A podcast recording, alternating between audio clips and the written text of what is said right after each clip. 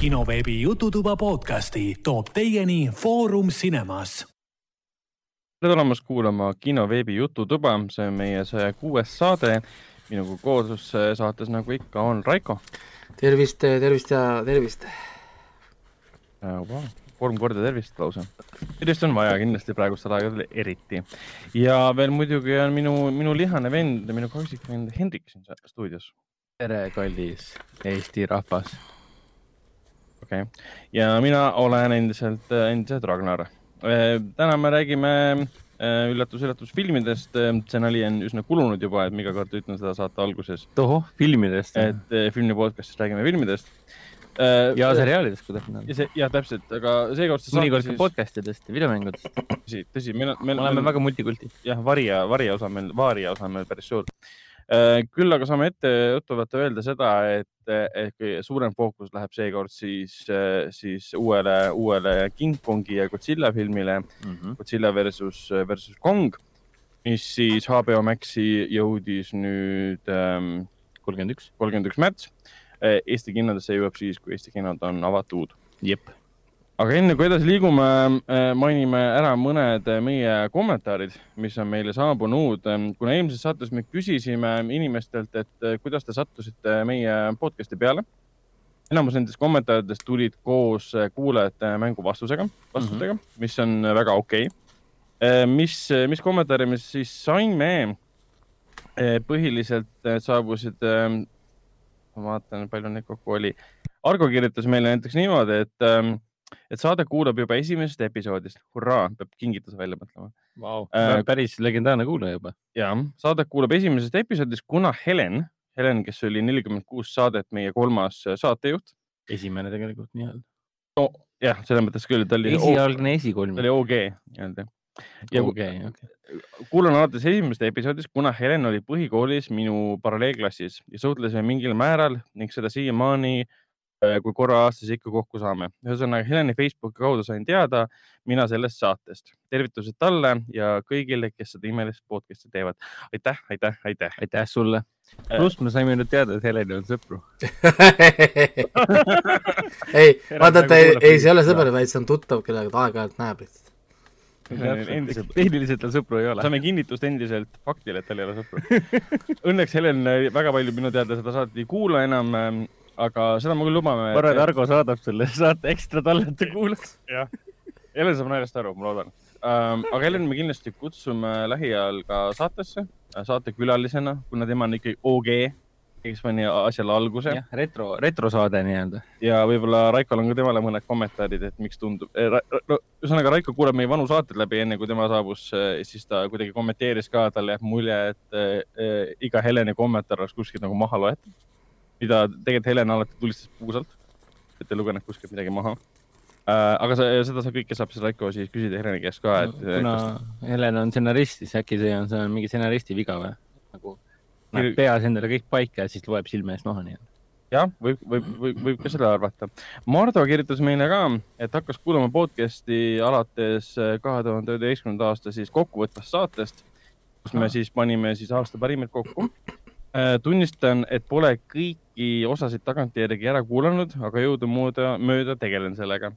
üks küsimus ka teile, mille pealt te vaatate 4K UHD Blu-ray filme ja seriaale? Raiko eelmises saates natuke puudutas seda teemat öö, oma uut tehnikat tutvustades ja muidugi kiiret paranemist Raiko pisikesele. no suur no., suur, suur poiss juba ju. Suur poiss, aga nii pisike on ta veel ikka veel. aga küsimusele vastates siis mina ja Hendrik vaatame 4K UHD Blu-ray'sid Sony 4K UHD HDR Blu-ray player'ilt. kas see siis praegu mina ja Hendrik või? okei okay,, mina vaatan siis Äh, minul on 4K monitor, mille abil ma saan vaadata siis 4K, äh, Sony 4K Blu-ray player'ist äh, filme ja seriaale. Kuna Hennikul ei ole 4K monitori, siis mina vaatan, mina, mul ei ole 4K ekraani, aga noh, ma ei ole selline puritan ka nagu kõik ülejäänud siin podcast'is. mulle see tuhat kaheksakümmend nagu sobib hästi Äh, tänases saates ka räägin ühest Blu-ray'st, mis ma just vaatasin ja. kaheksakümmend B on mingi talupoegade arusaam kvaliteedist. sa ei, sa ei näe, sa ei näe nägusid, sa pead häälte järgi tu-, tu-, tuvastama. mingi, mingi Akso DVD ripp, et see on mingi talupoja mõistusele kohane asi. VHS ripp. aga mina vaatan oma Blu-ray'sid oma PlayStation nelja peal Mhm. sest eh, nagu me siin saates oleme päris tihti rääkinud sellest, kuidas me vennaga avastasime, et oot-oot-oot, ma ei pea ainult mänge mängima no PlayStationi jaa, aga ma vaata, vaadata. panen küsimusele tähelepanu, ta tahab teada, kus sa vaatad 4K ultra HD Blu-ray'sid. no mina vastangi, et mina ei vaata, aga mida ma tegelikult vaatan, ehk siis, ehk siis, ehk siis ma ei- poleks pidanud vastamagi, sest jah, ma olen, ma olen, ma olen mats, mul ei ole 4K-d. ja, ja kuna mul on 4K monitor ja ma vaatan läbi, ma vaatan äppides siis ähm, sellest äh, Net- Netflixist ja Amazonist äh, filme ja äpid on need, mis lubavad mul 4K-d ka striimida. ja kui ma vaatan brauseris HBO Maxi või Disney plussi, sealt ma ei saa 4K-d kätte, sealt läheb 1080p enamjaolt Hulus samamoodi. aga mis on läbi äpi, siis ma saan 4K kätte ja 4K. ja ei, ka ja ongi sellepärast et ongi see Apple TV hästi hea, saad kõik asjad Mm. 4K HDR-is maksimumpildiga kätte, mina vaatan 4K ultra HD PlayStation viie ja Xbox Series X-iga. selles mõttes mm, Mhm. -hmm. et äh, väga nagu basic ja kui on regioon, mida ma ei saa, siis ma panen arvutisse, mul on, ma ostsin arvutisse LG, ma ütlen kohe, mis ta on, M-disk, 4K ultra HD player. aga see on arvutisse sisse pandav arvutis sisse ja ma võtsin teise eelmise Blu-ray välja, panin selle uue sisse mm. -hmm. jah, peaks vist hindama ka. ja, ja, ja, ja, ja siis kasutan lihtsalt äh, programme, mul on, mul tuli koos selle videotöötlusprogrammiga Wondershare tuli kaasa ka äh, Blu-ray mängija, mis on regioonivaba äh, Blu-ray Mhm. mm. mängija ja ühendan projektoori taha, selle 4K projektoori siia arvuti taha ja, ja vaatan täpselt samamoodi äh, nagu, nagu mujalt. lihtsalt on nagu regioonivaba mm.. PlayStation viis on mul äh, ja ka Xbox Series X mõlemad on Euroopa regioon, kuigi ähm, neid tavalisi Blu-ray'sid tundub, et Xbox mängib nüüd regiooni vabalt, ära küsi, miks. aga Playstation ei mängi, PlayStation ei mängi, jah. ainult Euroopa. jah, aga ma po- pole nagu väga nagu leidnud neid Blu-ray'sid, mis oleks nagu regiooni lukuga, aga tuleb välja, et ikka need aeg-ajalt on. noh, Hendrik siin vahepeal ostis, ostis Amazonist äh, Immortal Ad Vitami, mida lihtsalt, mis lihtsalt ei tööta PlayStation 4-l. kunagine minu lapsepõlve lemmikfilm, Enki Bilali lavastatud see mm,. ja, ja, jah, ja siis to- tookord me hakkasime guugeldama, tuleb välja, et ongi nagu regiooni lukk. ma polnud siiamaani näinudki veel, noh nagu arvutis kui palju Blu-ray'sid asju ma olen ostnud, ma polnud polnud otsa komistanudki, et on Blu-ray regiooni lukk, et ma mõtlesin, see on juba aastast kaks tuhat, ma ei tea, kümme ära kadunud Mm. aga tundub, et, et seda nad ikka hoiavad seda regiooni lukku veel teemas, et seda ma netist lugesin, et 4K UHD Blu-raydel ei ole regiooni üldse. Tava Blu-raydel veel on, aga 4K UHD versioon- versioonidel ei ole üldse. no jah, loodame Nende. puhul ei pea muretsema. miks see üldse olemas on, lõpetage ära noh. noh, jah, see on sama hästi, miks ei ole Disney plussi meil ja HBO, HBO Maxi meil ei, no okei, okei, ma saan aru, miks meil pole Disney plussi ja HBO Maxi, aga miks meil pole Netflixis kogu, kogu content'i. oh,. jah, täpselt. et ma maksan ju toote eest nagu sama palju ja siis miks ma saan vähem content'i kui see, kes maksab sama palju kuskil mujal. et, et see on nagu veits on nagu idiootsus, aga see on siis mm. -hmm. kõikide kohta, mis on need rahvusvahelised Crunchyroll, High Dive äh,, whatever, et need miks, Prime Video näiteks on ju, noh, et, et mik- miks on nii, et Prime Video kasutaja, kes on Ameerikas, maksab sama palju kui mina, saab, ma ei tea, viis korda rohkem content'i kui mina. et see on veits nagu äh, not fair. nojah, absoluutselt, täiesti. täiesti aga siis kokkuvõttes, Raiko, sina vaatad siis 4K UHD Blu-raysid äh, läbi Kon- Playeri oma 4K projektori kaudu konsool Ja-, kon-, konsoolidega. konsoolidega põhimõtteliselt ka, jah. Ehk siis sul on variant osta äh, Playstation viis, mida ei saa mitte kuskilt äh, või siis Xbox One, Xbox Series X, mille saab igalt poolt põhimõtteliselt, ma saan aru. saab küll jah, seda, seda ei taheta väga. ehk siis, mis on küll Blu-ray mängi. ta on küll kallim kui tavaline Blu-ray mängija, sest ma võin välja öelda, et mina ostsin Hendrikuga koos selle Blu-ray mängija kahesaja üheksateistkümne euro eest midagi sellist jah. ja saab tegelikult isegi odavamat 4K versiooni. Sony oma ka vist oli jah. jah, Sony oma, mitte Rassast otse ostsin. Et Jah. äh, see väljaminek ei pea olema sugugi nii kallis, nagu seda on uus konsool näiteks. eks ta on mugav, selles mõttes, et sa oled ikkagi kuskil, ma ei tea, kas Apollos või seal Aga- ma ikka käin seal, kas seal müüakse 4K? aga, aga, aga lihtsalt ma võin öelda, et äh, näiteks Xbox ka ja ka ka Playstation on nagu täielikud meediakeskused siis. ehk siis Mhm. ma kasutan Apple Jah. TV-d enda meediakeskusi, aga tegelikult ma ei peaks, ma saan tegelikult kõik need äpid, Disney plussid, Funimationid, Crunchyrolli, Netflixi, Prime videod, whatever, sa saad kõik võtta need ka tegelikult Playstationi peale. või Xbox Series X-i peale ja kasutada Xbox'i või siis Playstationit lihtsalt meediakeskusena. nojah, täpselt, ma ise teen sama, et ma tihtipeale ei ühendagi oma, oma, ei tõmba HDMI-d üldse suure ekraani tagant väljagi, et miks siis ma saan ju rahulikult vaadata sealt Netflixi ja Amazon Prime'i. logid sisse oma olemasolevate, olemasolevate logidega ja olemas kõik. nii et hea mugav tegelikult. aga selge, liigume, liigume asjadega edasi vaikselt. Äh, paar kommentaari on äh, veel äh, jagada. Jago kirjutas, et hakkas meie saadet kuulama alates üheksakümne üheksandast saatest ehk siis üsna hiljuti ja sattus meie podcast'i peale siis Delfi kinoveebi artiklit lugedes. ja see oli ka üks, üks, üks eelviimane siis äh, kommentaar. Argo kirjutas meile ka sellise, sellise ettepaneku, jättis meile siukse soovituse, kriitika. et äh, siia käib, siia käib selline hea tsitaat äh, videomängus God of War, et äh, don't be sorry, be better. kus ta siis kommenteerib meile, seda ei juhtu tihti, et saadet natuke skip in, aga on siiski ette tulnud, kui mõni sarja või filmi kirjeldus üldse hingele midagi ei paku, noh, seda ikka juhtub, see on arusaadav. aga edasi kerides jätkub saade sellisest kohast, mis taaskord põnev on. selle asemel on, on hakata nüüd tagasi kerima, selle asemel on hakata nüüd tagasi, ongi siuke lause ehitus, okei okay. wow.. selle asemel on hakata nüüd tagasi kerima ja otsima, kus see uus teema täpselt algas, kas saaksite iga filmi või seriaali teema lõpus korrata, millega tegemist. ehk siis, ehk siis äh, tegelikult Argol on äh, täiesti õigus, me peaksime välja tooma iga kord, kui me räägime pikemalt, ütleme muude asjade hulgas. lihtsalt rohkem mainida, et millest ma tegelikult üldse räägin hetkel, mitte nii, et ma hakkasin Paradise BD-d vaatama ja siis veerand, veerand tundi hiljem ma ei maini kordagi, et, mida ma vaatasin. et no eesmärk oleks siis see, et kui sa hüppad kuskil, ütleme pooleteisttunnisele sektsioonile, kus me räägime kolmekesi seriaalidest ja filmidest, siis eh, sa saad kohe minuti jooksul aru, millest jutt on. minu vähemalt mingi lühikese aja jooksul, see on, see on see sama, sama kriitika, mida ma tegin tegelikult just samal ajal kui Argo, siis ma kuulan nüüd läbi neid vanu saateid ja siis vahepeal on nagu see samamoodi, et ma otsin üles neid filme, millest nad siis saates rääkisid, et need ära märgistada sellesse äh, nagu veebilehele ja vahepeal nad räägivad kümme minutit mingist asjast, nii et mitte ühte korda ei maini, Mhm. mis asi see on? oo, näed, siis seal oli see ja siis see on see, mis on mul lõpuks see, et mis asi siis see on? et me, me mängime seda pronoun games, please, say it, say, say the name Say my name, what's my name? Say my name, Heisenberg. aga te pole vaadanud ju, te pole Breaking Bad'i vaadanud, te, te, te, te ei saa aru miimidest. Jah. jah, ma tunnistan, et see vastab tõele. aga, aga jah, oleme, oleme paremad, püüame paremad olla. ja aga sellega saidki meie nüüd kommentaaride, kommentaarime sektsioon läbi, ma vaatan eelmise artikli alla ka, et sinna kommentaare ei jäetud. Ähm, aga liigumegi edasi siis äh, üheksanda kuulajate mängu vastuste juurde ja kuulutame välja ka võitja. nii, nii, nii, nii, nii, nii, seitse vastajat, kuus vastasid täiesti õigesti, endiselt ma teen liiga kergelt äh, teemasid äh,. esimene oli muidugi Westworld, teine oli Chuck, kes pole Chucki vaadanud, hästi kihvt idee, hästi mõnus äh, seriaal äh,. igaks juhuks mainin üle, Chuck oli siis see sari, kus kohas äh, poe IT-pood või ma ei mäleta, mis see oli, tehno, tehnikapoe müüja skännib endale kogemata, vist oli CIA andmebaasi endale pähe ja siis ta teab kõike, mida teab äh, CIA äh, ja, ja siis ta hakkab neid infot välja võtma ja ühesõnaga teab best palju stuff'i.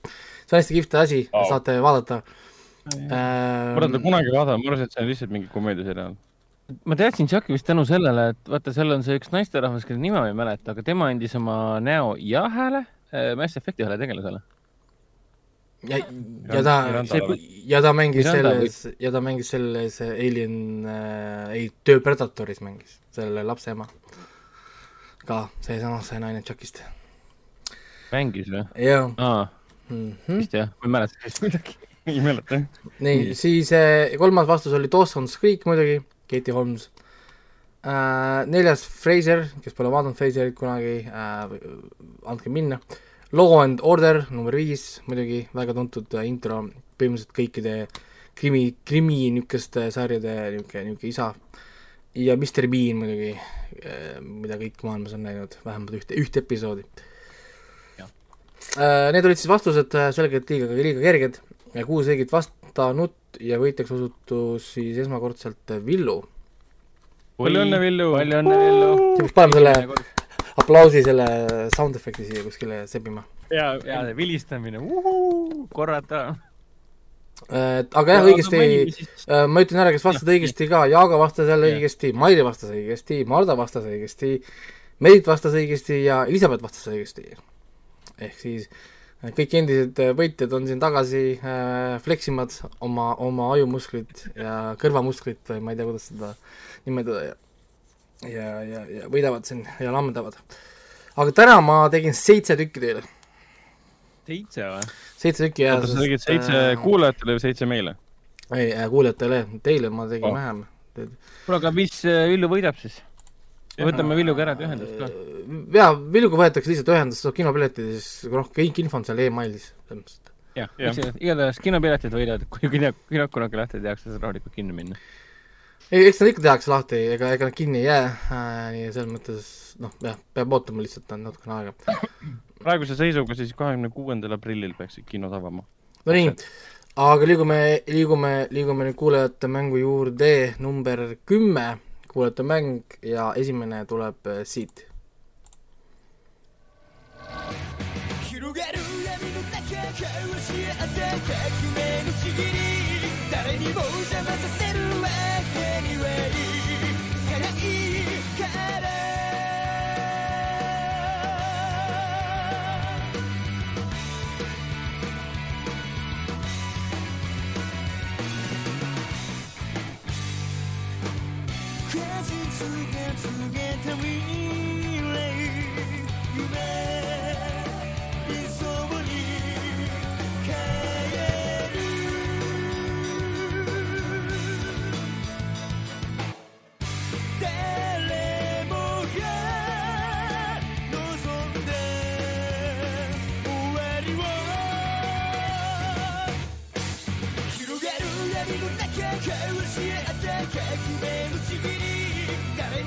にも邪魔させるわけにはいかないいつか僕が見せてあげる光り輝く世界ja äh, ja väga raju .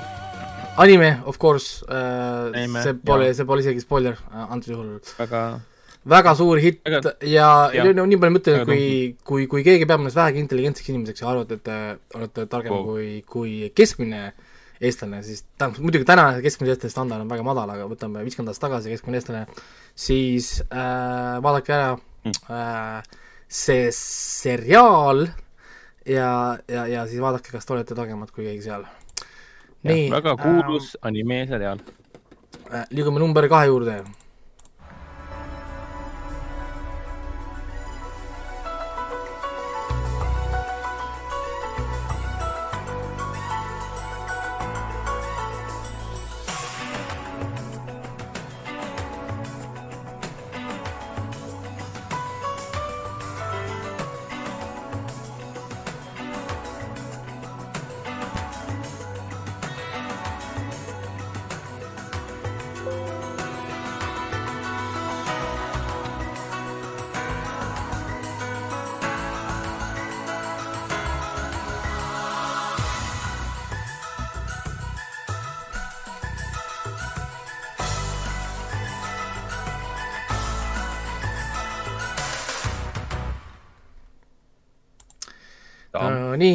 selline see vägev intro oli uh,, väga ilusad mehed olid seal uh,, kunagi mul üks naabritüdruk tegi nalja, et kui see sari hakkas peale, ta pidi toolist kinno võtma, et ta maha ei libiseks uh,.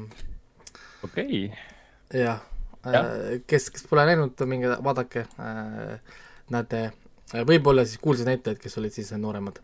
vaatame number ausalt, öeldes, ausalt öeldes ma poleks oodanud äh, Raiko suust esimest äh, kommentaari selle seriaali kohta, et väga ilusad mehed. aga maailm on muutunud ja.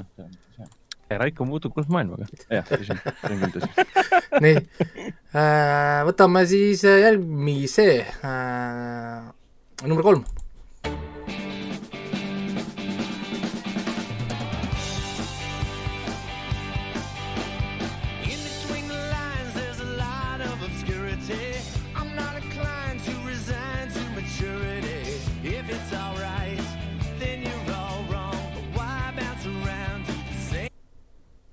rohkem lase, sest ta kohe ütleb seal sarja nime, et ma ei taha, et te saaksite päris äh, nimeselt teada.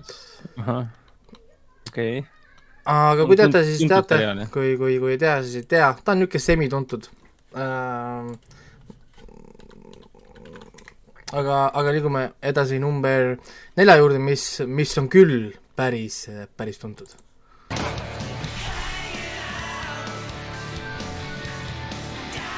ah,.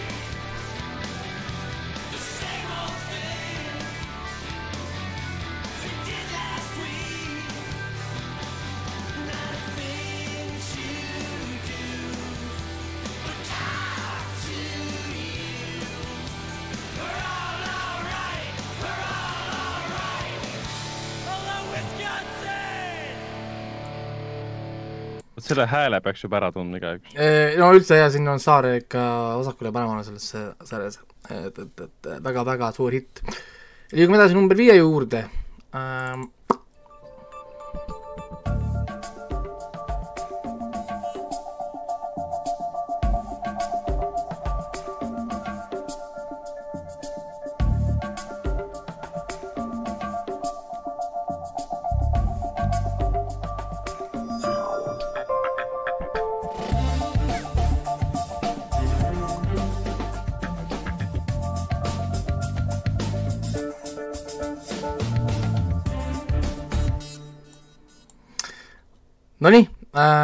See on üks minu äh, lemmikuid seriaale äh,, seriaale, mis ma olen kunagi vaadanud ähm,.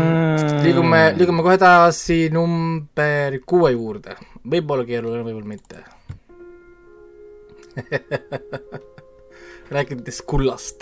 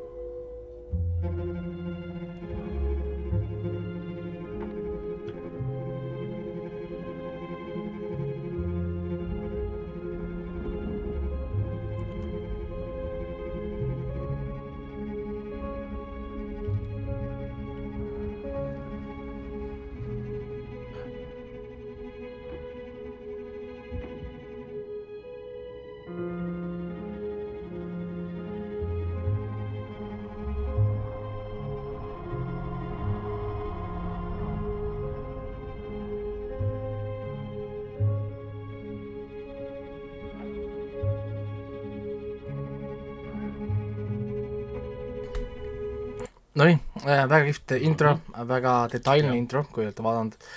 kõik need hääled, hääled, mis seal taga käisid, ei olnud äh, meie siin kuskilt stuudiost, kus me käpime asju, vaid see on osa introst ähm,. ja nüüd number seitse, seekord number seitse äh,, proovige ära tunda siis see number seitse.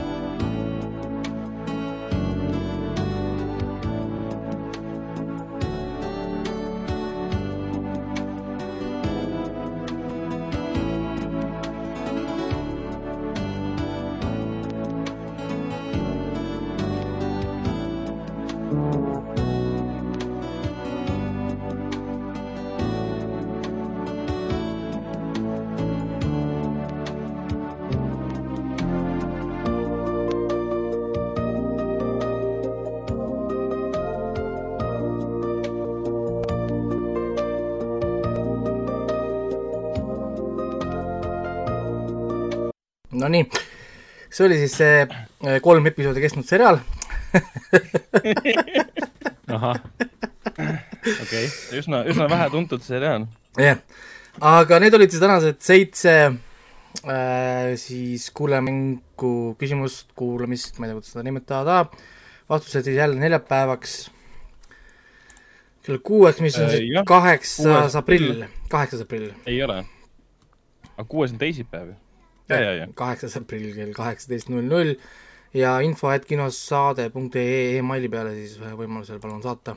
seekord ainult üks inimene ehk siis Merit saatis vanast harjumusest RR Noodi äh, aadressil, nii et, et isegi läks päris hästi.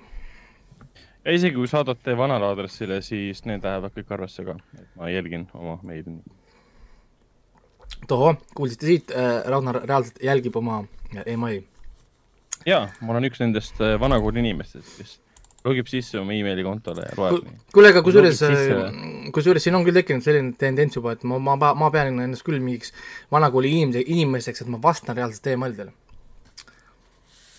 nagu, aga mis, mis see alternatiiv siis on, et sa ei vasta, lihtsalt ei vastata see on nii tavaline tänapäeval, aga kuule, saada mulle email, mis tähendab seda, et lihtsalt fuck off, noh. saada mulle email, jah oh,. jah, olen muidugi selle vea teinud, et mul on e e emaili nagu selles äh, jalutuses on, attachment'is on nagu uh, number küll. aa ja sul on seal see no, no novell seal ju sinu see CV on seal. no vot, Selles- no veel. kui keegi tahab minuga mulle helistada, siis ta saab kohe seda teha. ilmselt sealt, et mingi Rootsi ettevõte mu numbrit saavadki ja helistavad mulle lambist keset päeva, et "Ah, meil on sulle uus mingi aine pakkuda koroona ajal, et see on sulle väga hea. ah, ma ei saa praegu rääkida. aga helistage homme. ma mingi, no nii, teil on, teil on tuju liiga hea, et on aeg teha kuulajate äh, saatejuhtidele kuulajamäng ära. mis äh, seis meil oligi praegu? Hendrikul on üheksateist koma viis, Ragnaril on viisteist punkti. vastu kurat. et teoreetiliselt, kui Ragnar vastaks kõik õigesti, siis on ta, oleks poole punkti kaugusel üksteisest, üksteisest. Ragnar jõuab järgi. aga ma juba. näen, et siin on võib-olla kerge eelis juba hea Hendrikul minu va-, va-, val-, val-, valikut siin äh, äh, praegu, kui ma vaatan. See on ju kallutatud, see on ju, see on ju, see on ju sa valid, Raiko valib selle järgi, mida mina vaadanud olen. see on korruptiivne. ei ole õiglane. no nii äh,, number üks äh,, pange kõrvad valmis.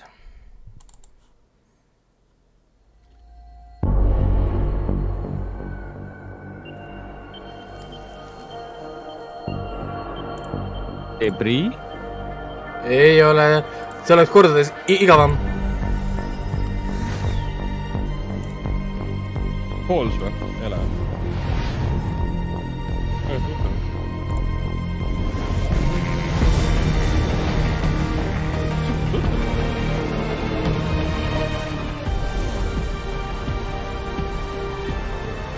Tota see ei ole ju, see on, see on Dota jah. on Tota või?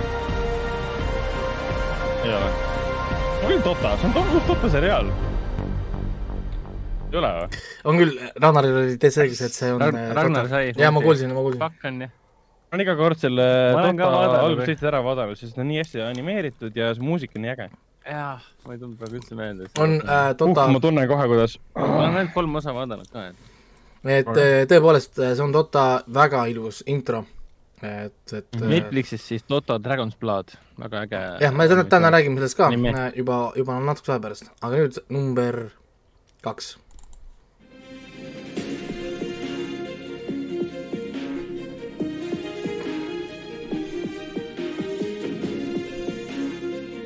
See peaks teil olema mõlemal väga, väga tuttav. Invincible või? jah, on küll, on või? täitsa õige, täitsa ei õige. mäleta, kas Invincible oli algustiitlid või?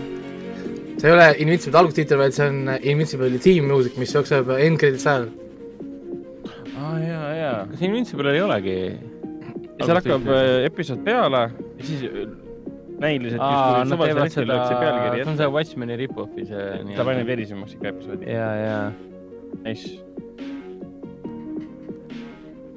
ebaaus, nii uued seriaalid. Amazon äh, Prime videos olev äh, seriaal. ja ka räägime täna on, täna täna jah, ka räägime räägime. pikemalt pärast. aga nüüd äh, järgmine, number kolm.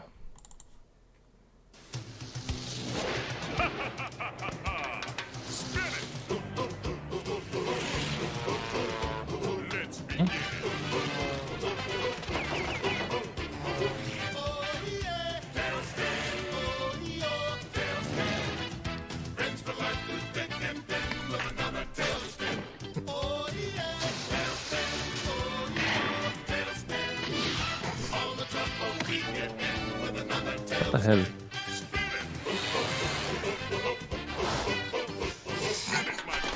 me oleme näinud seda. issand jumal,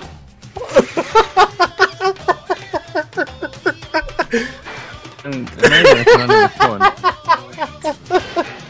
oh my god. What the hell nagu.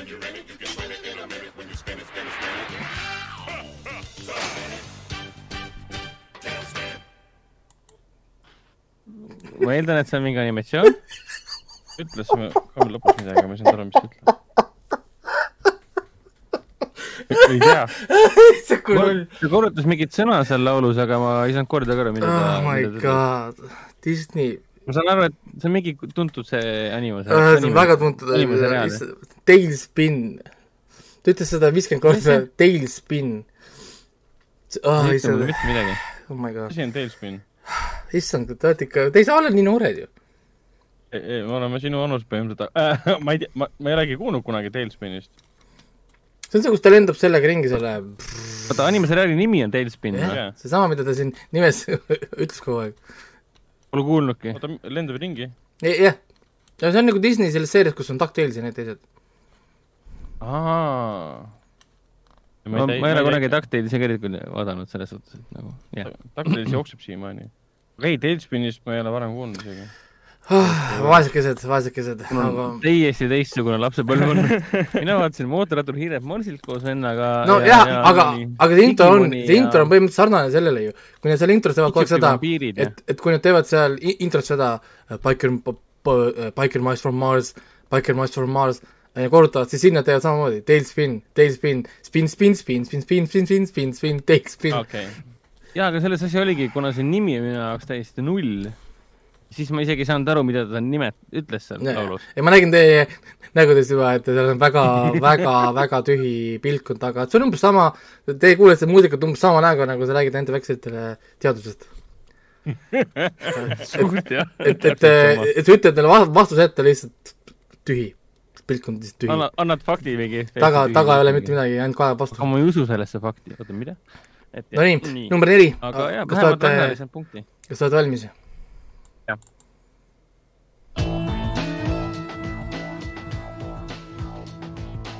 neli tuhat nelisada. jah, on jah. jep, oli küll.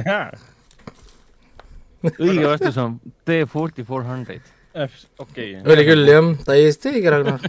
väga, väga hea see oli see seriaal. sari, kus oli ju üks esimestest suurtest rollidest sellel Mahe Harsana Alil. jah, tema mängis seal, seal olid mitmed tuntud sellised ulmeseriaalide see, näitlejad see fä- fänning oli ka või, või ei olnud? mängis seda väikest fänn-, väikest, väikest plikat, vist oli, kes kuuekümnendatel oli, jah. ära, ära kadus. see äkki, kes tagasi tuli. võimalik. Fanning oli selles eh, Spielbergi produtseeritud äh, seriaalis Taken. Takenis ka. See oli äge, hästi äge seriaal oli, kaks hooaega. aga jah, siin oli ainult kuu, ainult kuus sekundit, nii et äh, ma panen, hästi armas on see algustiim.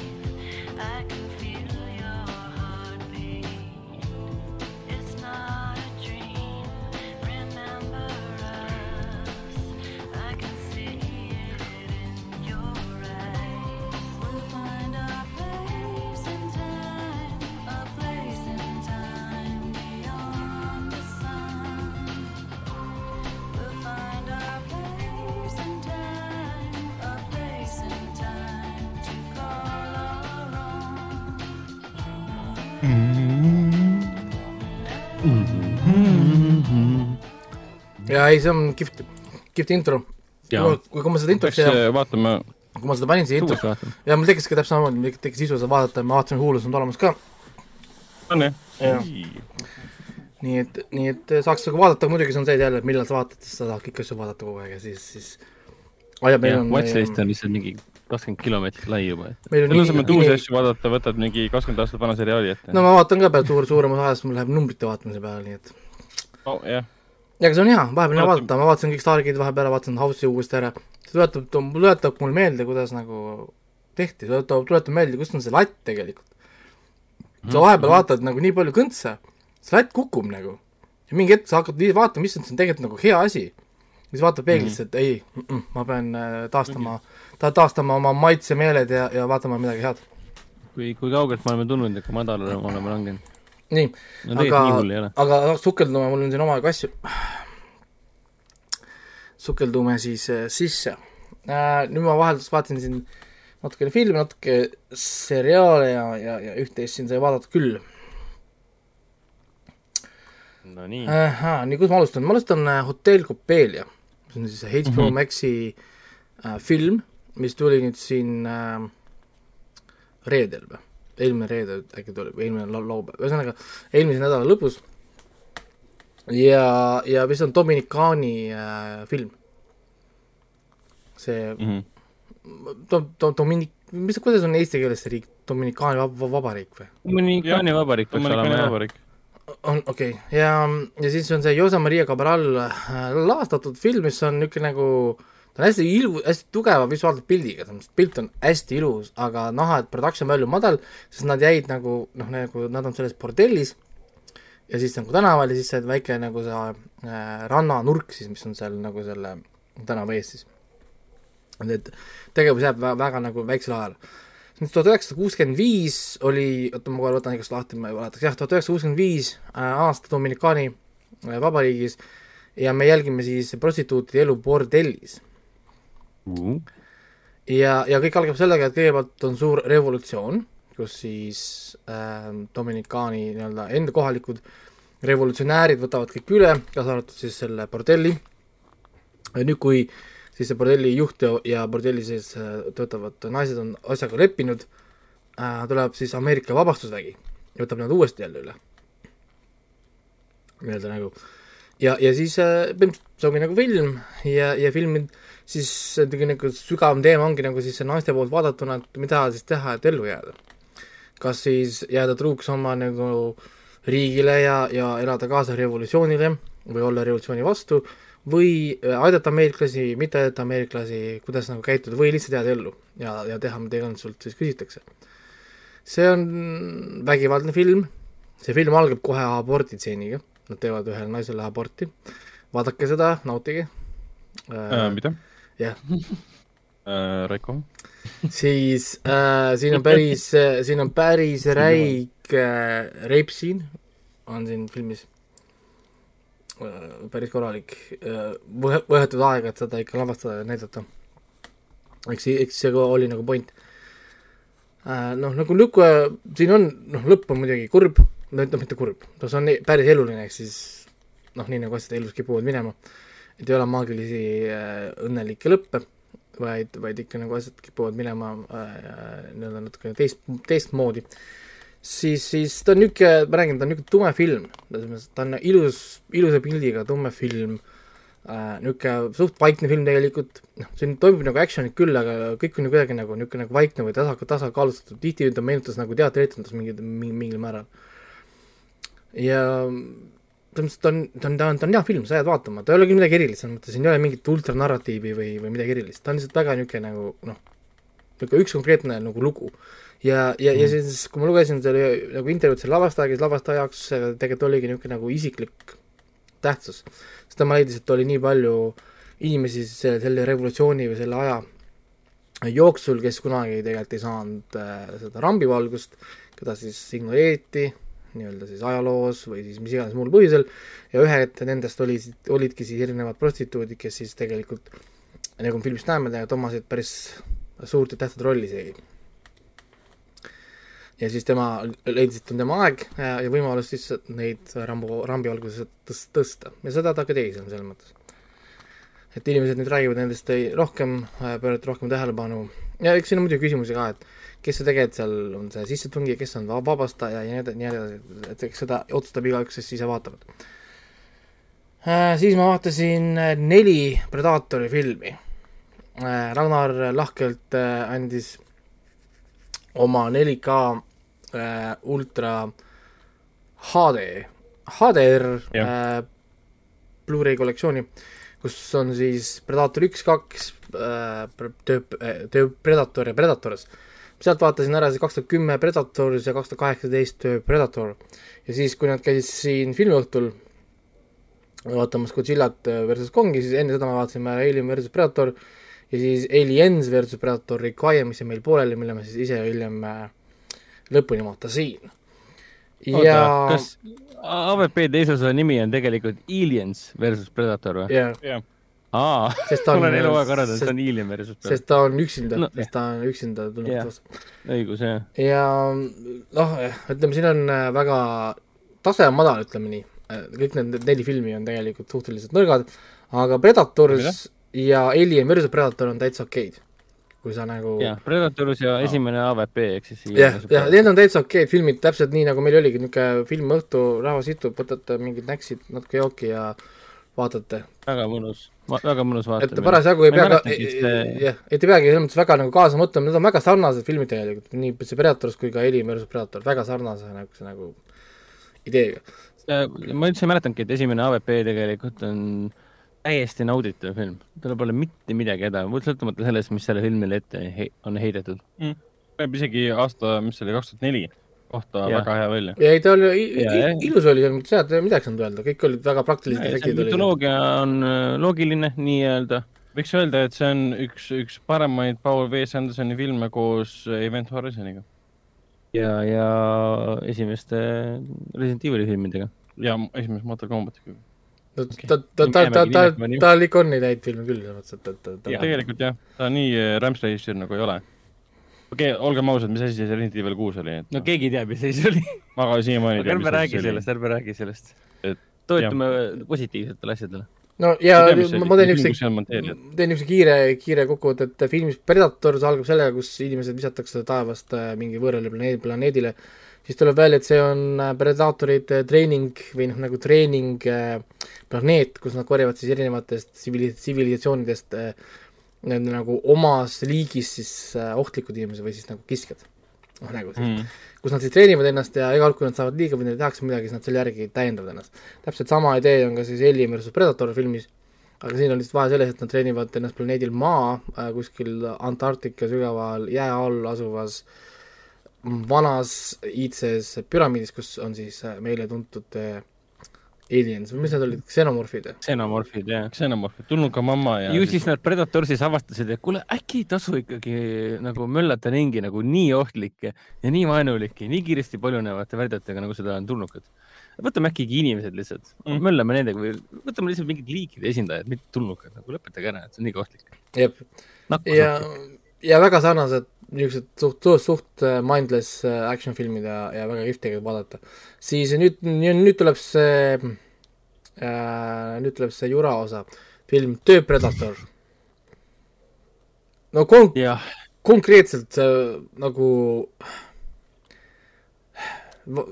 kuidas või noh, nagu see ongi jälle see küsimus, et ma lihtsalt, ma tahaks näha mingit behind the scenes doku-, dokumentaalfilmi. esiteks, kes on need inimesed, kes need ideed maha müüvad, on ju, teiseks, kes on need inimesed, kes selle filmi val- valmis kirjutavad ja reaalselt julgevad seda esitada kuskil.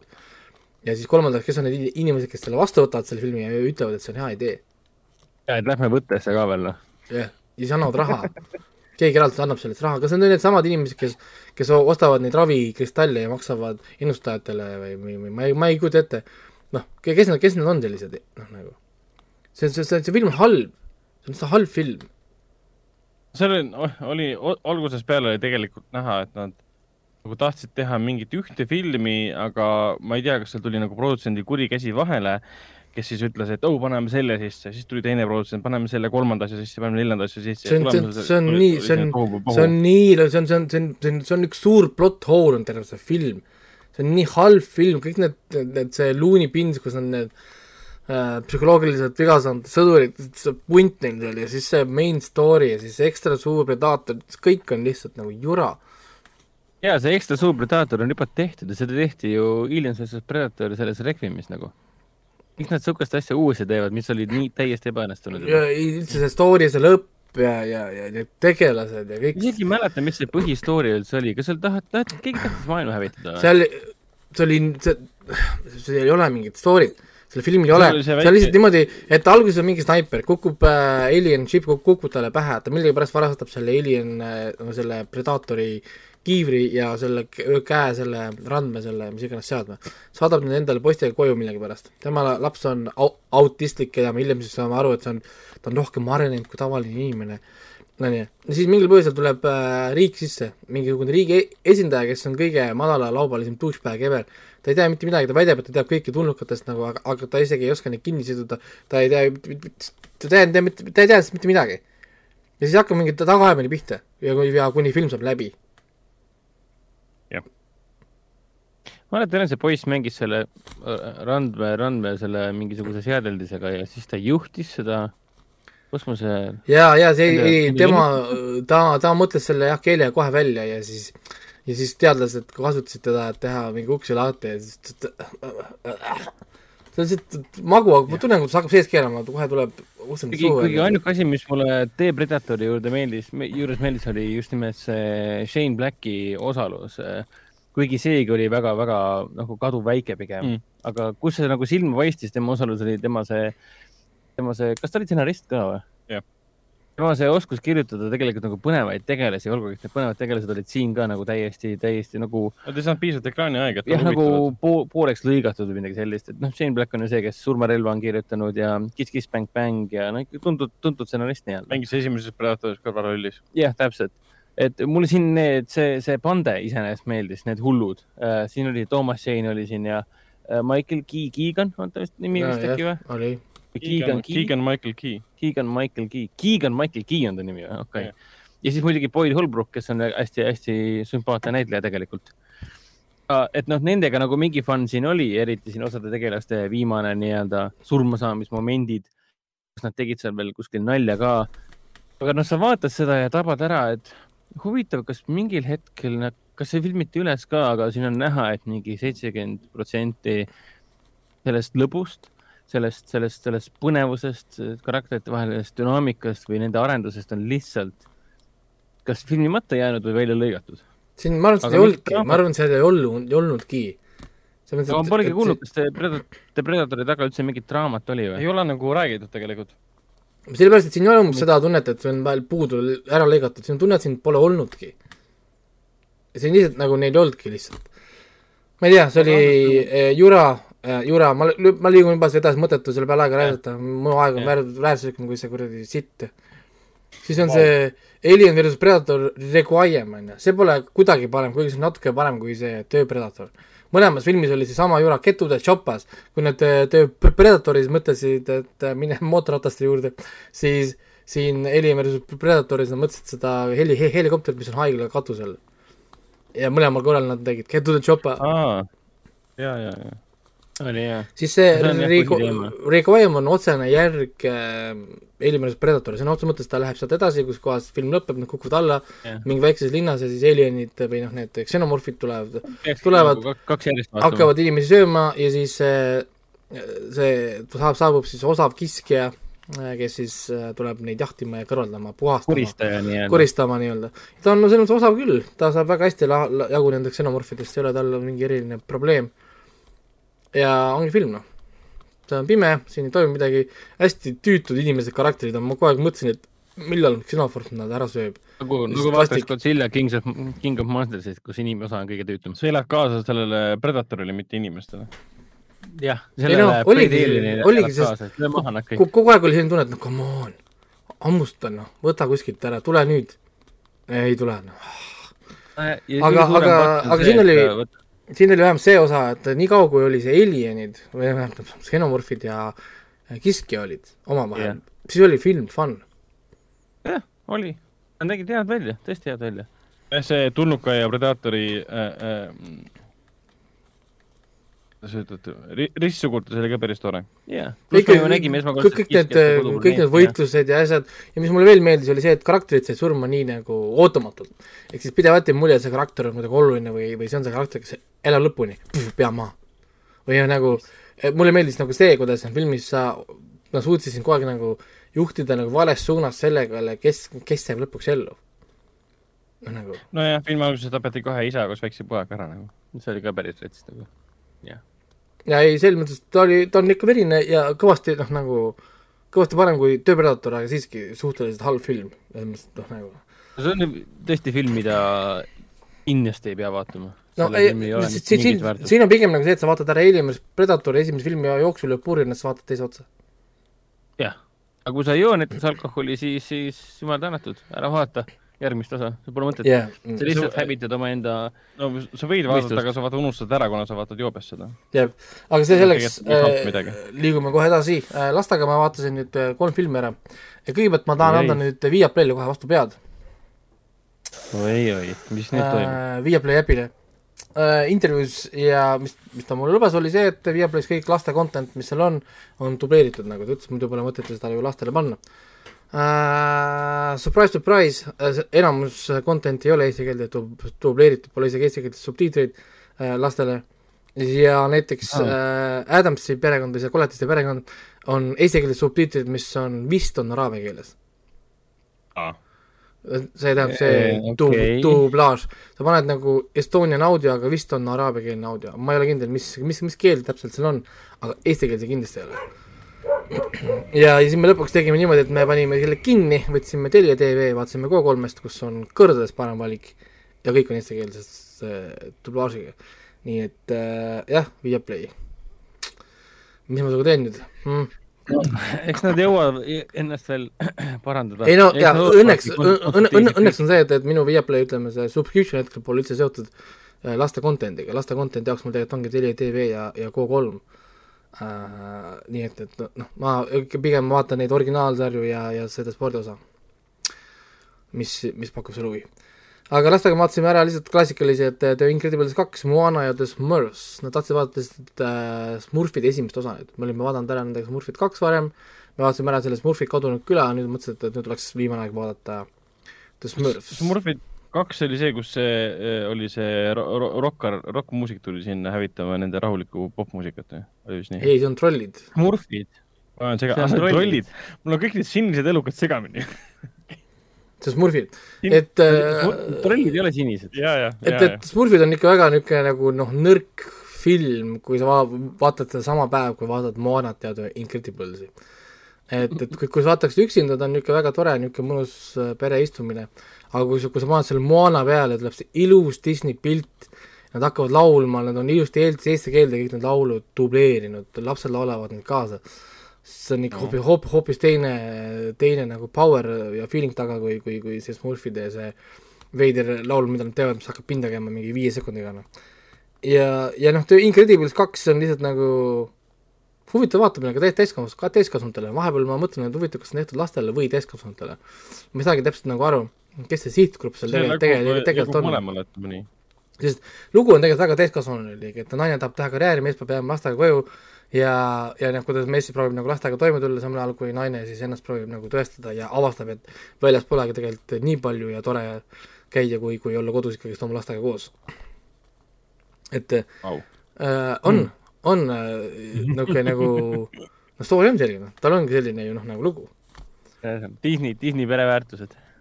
et no- naine võib eh, köögist väljuda ainult selleks, et avastab, et köögis on parem. Jah. on, on, on see loo moraal. see on Disney, loo moraal. väga, väga lihtsustatud ja, et siin ja, kusjuures ja äh, sellega tuli meelde üks, üks UK-s tehtud kü- küsitlus, kus kohas äh, tehti meeste sellised küsitlused, kui sul oleks võimalus jääda, jääda koju, teha lastega ja kodu, kodutöid niimoodi, et naine, naine läheb tööle. üheksakümmend protsenti mehi vastas, et kohe päevapealt oleks nõus. Hmm.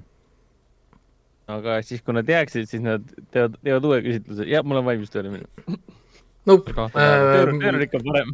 Nope, mina olin lastekodus, iga kell ma olen enne lastekodus, kui ma läheks kuskile tööle, noh, fuck this shit. Ma saan lastega kodus äh, chill ata, ma saan natuke koristada, ma saan õues hängida, ma saan kiiktoolis olla, ma saan filme vaadata, teen mis tahan, las teine muretseb, kust tulevad rahad ja värgid. ja kui midagi puudu on, siis saad alati teist süüdistada, sest teine on see, kes lastega ei tegele. see on oota, kas Incrediblesis neil oli ka rahaprobleemid või? ma ei mäletagi. äh,, neil oli seal igasuguseid probleeme äh,. põhiline probleem oligi see, et nad olid vaata riiklikult keelatud, nad ei tohtinud oma võimet kasutada haigus, jaa. et, et äh, ja põhiline mure tal oligi lapse kasvatamisega, et see beebi, kas selle beebiga toime tulla, sest beebil on palju võimeid. haigus jah, tal oli mingi tulevõime ja mingi tele, lendamisvõime. mingi teleport, ja.... teleportimine vist oli jah. Mm -hmm. tal oli hästi palju erinevaid võimeid seal jah. aga jah, need ongi äh, siis Smurfe ma vaatasin Viasatist üks väheseid, millel oli eestikeelne sub-, eestikeelne dublaaž äh,. tähendab see Viaplay, mitte Viasat, Viaplay äh, äpist, siis äh, Moana ja Incredibles on mõlema telli eest, K3-e siis lisast. Moana ehk siis eesti keeles oli see Vaiana. miks ta oli Vajana, Miks ta- ma ei tea, miks. sa ei, sa ei mäleta enam või? see põhjus oli väga lihtne, sellepärast et äh, Moana äh, USA-s ei tähenda küll mitte midagi otseselt, ei tähenda jah. aga Euroopas äh, Moana nimeline oli kunagi pornostaar, Itaaliast vist. Itaalia pornostaar Moana, mistõttu otsustati Euroopa jaoks, paneme Vajana. ei tekiks seda seost. ütleme niimoodi, et see seos tekkis ainult tänu neile, kuna inimesed hakkasid uurima, miks nad vahetasid nimed ära. täpselt, ega ma, ma, miks teevad mingi kuuekümnendates, seitsmekümnendates mingi Itaalia pornostaari nagu, issand jumal. see on ik- ikka väga on spetsiifiline, nüüd ma tean. väga spetsiifiline nagu asi, see oli nagu see Ga- Game of Thrones tõi selle pornosaari välja, see Sibili või, mis ta oli?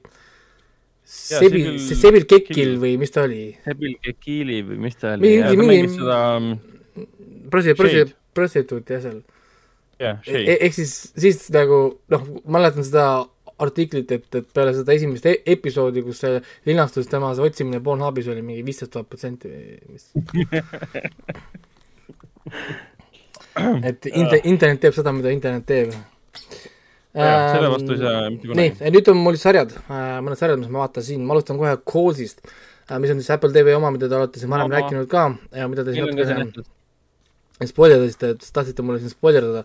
aga see jube, ta on ikka jube lühikene, ta on mingi kokku vist kaks tundi peale, no veitsa või, kõik e episoodid. jah, kes, mis üheksa episoodi ja vii-, viisteist kuni kakskümmend minutit iga episood. ei ole isegi nii nii pikad, nad kümme olid, kümme kuni viisteist. kümme kuni viisteist. kümme ei olnud. ei, väga lühikesed. Nad on kolmteist minutit koos lõputiitlitega olid seal enamus. nii et aga, ähm, aga pööraselt head. selles mõttes nad on kihvtid äh,, mulle väga meeldis, aga umbes kolmandas episoodis või nii ma sain aru, et see, et need ei ole tegelikult antoloogia seeria. jaa Mm., ma olin ka täiesti veendunud, et on eraldiseisvad lood. aga, aga kolmandas episoodis ma sain juba aru, et ahah, selge, okei okay,, ma saan aru, kuhu nad lähevad ja mi- mida nad nagu teevad, et, et sellepärast see ajaline joon iga episoodi alguses oli oluline. ma mõtlesin, miks ta näitab mulle alguses seda kuupäeva, miks see nii oluline on. aga ärme liiga detailsesse eks selle. jah, räägin, räägin kiiresti üle, siis põhimõtteliselt on tegemist äh, telefonikõnedega, mis on siis graafiliselt õrnalt äh, visualiseeritud mingi abstraktsete kujunditega ja põhimõtteliselt siis Windows Media Playeri visu-, visuaal. jah, ja siis äh, tekst jookseb ekraani peal, kus inimesed teevad erinevaid kõnesid, erinevad situatsioonid, noh. väga kihvtid äh, story'd, väga kihvtid nagu lood, üllatavalt südamlikud lood isegi lõpuks. väga ja, tugevad häälnäitlejad. ja, ja minu lemmik oli, oli seesama see Pedro, Pedro Pascali kal- karakteri viimane jaa, jaa, jaa. lause, kus ütles Pedro from well played well played. Oli küll jah. mul oli Et see oli- päris palju lemmikuid seal tegelikult, juba see teine osa mulle kohutavalt meeldis. sellest mehest, kes kõrbesse sõitis. aa jaa, jaa. see oli päris äh, hirmus, sellega, kusjuures see lugu tuletas mulle meelde endale ühte unenägu, mis ma kunagi nägin, kus ma läksin poodi piima ostma, ma tulin tagasi, kaksteist aastat oli läinud mööda, perel, perel oli nagu, ähm, sa oled ammu surnud, surnud, sa oled ammu surnuks kuulutatud, mul on, piim on värske, kurat, ma just tulen poest. Et äh, mingi täiskasvanud lapsed on majast ära kolinud ja, ja mis, mis siin toimunud on? päris jube tegelikult.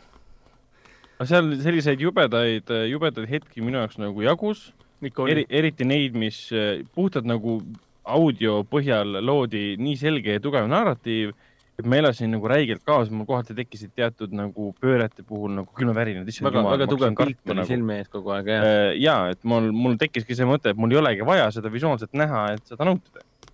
aa, no see, kus formaat. see esimene kirjeldamine, vaata, kus on naine kirjeldas, mis temaga toimub.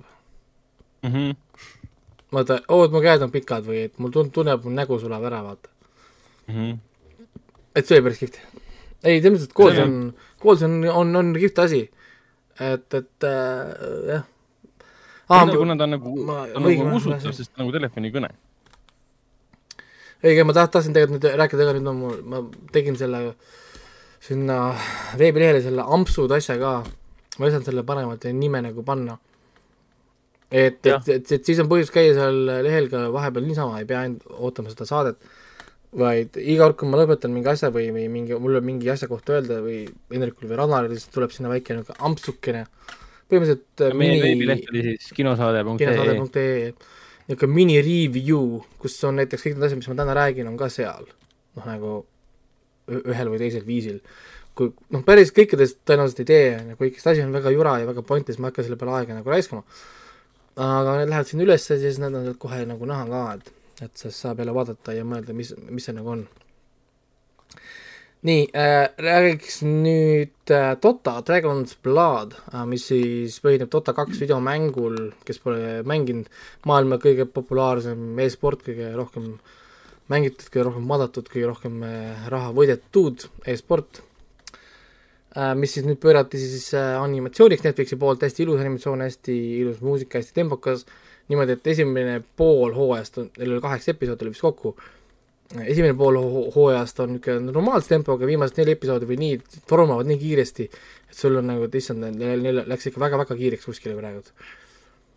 ja, ja, ja lugu on siis äh, põhimõtteliselt selline, et on, mis ta, mis ta peategelase nimi oli, ma kohe otsin selle üles, mul juba nimi meelest läinud, Tavi on või? Tavi on, jah, Tavion, jah, täpselt äh,. Tavi on. nii, ma korra vaatan siit natukene meil vennaga on ka ainult kolm esimest osa vaadatud. jah äh,, Taavi on, on siis äh, draakoni kütt või noh, nagu lohekütt või ma ei tea, mis see eestikeelne niisugune väljend on, tema siis jahib äh, neid legendaarseid draakoneid, kaitseb külasid draakonite eest ja siis külad annavad talle palju raha ja ta on kuulus noh, nii-öelda nagu draakoni kütt. ja tema, tema kuulub siis sellesse draakoni klanni, kes siis äh, nii-öelda noh, ongi nagu lapsest peale treenitud, kui olema nagu draakoni kütid. Ja siis lugu algab sellega, et on ühes sellises külas, kus ta püüab siis äh, äh, tapab ühe draakoni ära äh, tellimuse peale, aga ka see, kes ta siis nagu tellib selle tapmise või noh, nagu see inimene ei ole rahul, sellepärast et seal koopas all sügaval magab veel üks teine draakon. aga Taavi on ütleb, et kui see draakon magab, las ta magab, sest me ei saa sellest draakonist jagu. et see, et see on nii suur draakon, kui draakon ärkab, siis miilide ja miilide raadiuses kõik inimesed saavad nagu surma. et las ta magab, ärme sega teda. see mehele muidugi anna rahu, sest äh, ühel ühel põhjusel ta läheb sinna alla seda surkima, seda draakonit, äratab selle draakoni ülesse Äh, ja, ja Taavi on, satub sinna siis ka äh, nagu sinna alla, sest ta tahab seda takist-, takist-, takistada seda draakoni ülesäratamist, aga satub siis hoopis sellisesse situatsiooni, et leiab ennast koos selle draakoniga koos töötamas ühe teise vastase vastu, kes on veel ohtlikum kui draakon ise. Ja tulemuseks on siis see, et äh, Devion leiab ennast äh,, kui te olete mängu mänginud, siis tegelikult seal on Dragon Knight klass on olemas. ehk siis Devion, Devion muutub peale seda Dragon Knight või siis nagu draakon rüütliks. põhimõtteliselt. sõna otseses mõttes. Kui ta enne oli Dragon Knight, siis nüüd on ta Dragon Knight. spoiler, aga noh, jah. ja see ei ole spoiler, see on nagu, ma ei tea, noh, see on nii, nii nagu basic Base- basic Alau, plot see on, see on umbes nagu Clark Kent avastab, et ta on Superman, sorry, noh, nagu noh, jah, et seda ei, troonide mängus on draakonid mingi oh,, issand on. et jah, ja, ja sealt edasi hakkab siis niisugune nagu kaks, kaks erinevat storyline'i, üks ongi siis see Tavioni oma ja teine on siis seotud selle ähm, haljate rassiga siis, kellel on siis oma jumal, keda nad kummardavad ja võib-olla on seal teine kuri jumal, kes ei ole sellega rahul. ja lähebki niisugune battle hästi kiire tempoga äh,, alguses on verine, pärast jälle verine. Et niisugune, võrreldes ütleme siin, võrreldes siis selle Dragon's Dogma või Castlevaniaga, mis on nagu kõvasti verisemad ja ja seksirohkemad kui näiteks on siis see Do-, Dota nüüd, siis eriti Castlevania. jah, et siis Dota on nagu nende nagu niisugune väike, väike, väike vennakene, kes nagu proovib, aga, aga ei ole päris see. aga ta on väga tubli, mulle esimesed kolm episoodi väga ei, ta on ilus, ta on, ta on kihvt, ta läheb päris kiiresti, mul läksid need osad nii kiiresti, et mul olid, issand, juba, juba ongi läbi või noh, nagu et, et, et on, ta on hästi animeeritud äh,, lihtsalt jälle see osade arv on naeruväärne, sorry, kes see nimetab kaheksat episoodi kuradi hooajaks, noh. peaks hakkama vastu, vastu, vastu pead, 24. pead, pead andma juba kuskil inimestele, kui mingi produtsent astub sisse, teeme hooaja, mitu episoodi on, kaheksa, siis peaks käima kõmaki vastu kukalt, kuusteist on miinimum. ma olen sinuga nõus, eriti kui sul on lühikesed kahekümne minutilised episoodid ka veel. Aga samas selles äh, Dota Dragon's Bloodis on tegelikult ka väga lahedad hääle, häälenäitlejad. ja peategelase Baker Daviani on-, Daviani häält teeb siis Juri, Juri Levantal. ja eelmises saates mainisime ka teda. ja kes Peter Parkeri häält annab siis. ja muidugi videomängumaailma superstaar äh, Troy Baker teeb ühe, vähemalt minu, minu andmetel hetkeseisuga veel siukse, siukse ime, imeliku, pole kindel, kas hea või halb, halva, halva tegelase häält. jah, haldja häält mis siis. ta oli seal, mingi sorcerer, sorcerer oli. jaa, ei Sort-, Troy Baker on, on ultra, ultra superstaar, mingi nelisada mängu teinud või palju tal on, filme või mänge. tal on mingi mingi üübernumber, üüber, üübersuur number asju. et jah, aga kellel on soovi, vaadake, vaadake, nautige animatsiooni, aga nüüd lähme kohe kilts edasi, on äh, Prank and Counters tuli teine hooaeg tuli välja. Ähm,. vaatasin kunagi ära esimese nüüd, ka on Netflix, Netflix, Netflix, Netflix on praegu äh,. Prank and Countersi, seal on, see on see see poiss, see Keiten Matarazzo, kes mängib seda, mängib seda hambutuspoissi selle Stranger Thingsis. see on siis tema mm -hmm. nagu see sari, kus ta teeb siis inimestele pränke. aga noh, see on muidugi jälle, et äh, hooaeg, seitse episoodi, umbes nagu kakskümmend viis minutit, davai, see on hooaeg, on ju. et väga, väga, väga nagu noh, naer-, naeruväärne on seda nimetada hooajaks, et, et see on kolmandik ma ei tea, noh, päris hooajast. Aga põhimõtteliselt nad teevad nagu niisuguseid suht tohutuid nalju noh, inimestele. ja, ja, ja noh, näiteks ma ütlen, mis oli siin hea nali, mis mulle meeldis, mulle meeldis see ku- kummitav äh, villa või noh, nagu selline vana maja, see oli päris kihvt. Nad kasut-, kasutasid kaameratrikki asju, noh nagu, et teha inimesi nagu hirmutada. mis oli lihtsalt ehmatada hirmutada või? Ei, ilmutada jah, nagu ja, ja, ja siis üks nagu inimene oli siis, tuli appi ko- kolima või noh, nagu seda maja siis nagu ümber tegema müümise jaoks, lavastama nagu noh, nagu seda maja sisu ja siis teine, teine tuli appi siis nagu kaameraid vaatama, et keegi varastaks midagi. ja siis see, kes seal vaatas kaameraid näiteks, nägi näiteks seda, et lehvi lehvitad talle, kuule, et kas sa näed mu liikumist ja siis mingi vaim, vaim kõnnib tagantmööda. Äh, keegi läks su tagantmööda, ei, ma olen siin üksinda. no saad aru, ühesõnaga, või siis nad panid nagu tooli paika ja siis keeravad ümber, tool läheb tagasi, kus oli, neil on nagu aa, niisugune hästi lihtsad trikid, aga samas hästi mõjuvad selles suhtes. no jah, et, et ikkagi m- hirmutavad. mõni oli ikka päris keeruline seal, mingisugune iidne matmispaik, kus olid mingi nõia ja beebi ko- kondid olid, siis hakkasid mingid zombid vee seest välja tulema ja igalt poolt ja laibad hakkasid ringi lendama, nii et mõni oli ikka päris crazy. aga kui nüüd on nii lühike vaatamine, siis ta on ju vaatad ära, ta on niisugune meh, on ju. see, ma vist tegin sellele selle ampsu ka vist oligi review. nägin jah, et seal ei olnud, Back in kaudu teine hooaeg, meh. Seal ei olnud muud, mis täiesti lihtsalt nagu suva, noh nagu, et, et mitte midagi ütleb nagu see. siis on Netflixis The Irregulars äh,, esimene hooaeg tuli äh, eelmine nädal, vist ka reedel või neljapäeval või ühesõnaga mingi reedel vist oli. äh, mingi päev tuli, ma vaatasin ta, vaatasin ta ära, samuti jälle mingi kaheksa episoodi oli või kümme episoodi vist, ma ei mäleta. jälle mingi naeruväärselt pisike naeruepisood on, hooaeg. Tundus päris huvitav. äh,. Premise on, tundub huvitav, sari ise on juust.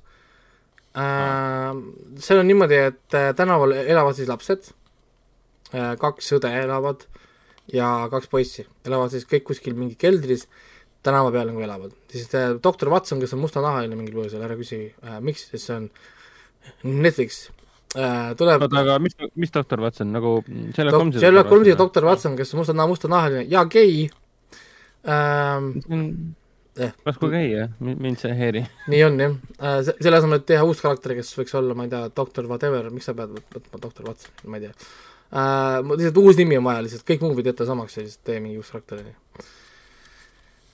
tuleb sinna, hakkab nende käest paluma abi äh, juhtumitega, millel on äh, üleloomulik äh, asi juures. et tema ei saa nagu lubada oma nii-öelda nagu mainet arvu arvestades, et ta nagu avalikult räägiks või uuriks niisuguseid asju, kus on üleloomulikud asjad nagu juures.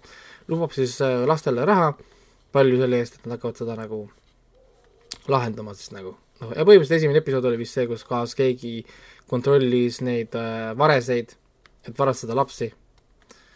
ja, ja mingid võimed on ju, ja siis nagu selgus, üks nendest lastest omab ka ühte teatud võimet, mis aitab tal siis lahendada neid juhtumeid ja siis umbes poole peal äh, kolmandas, neljandas episoodis hakkab tulema see metastory siis välja või see metalugu, ku-, kust need võimed tulevad, miks inimestel on võimed, noh nagu seal värki ja kust on Sherlock Holmes,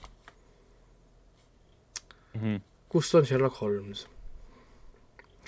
aga jah äh,, sari on jah? sari on suht halb äh,. kui ma oleks kaheteistaastane mingisuguste emotsionaalsete probleemidega, siis ma tõenäoliselt naudiksin seda päris, päris palju, ma arvan.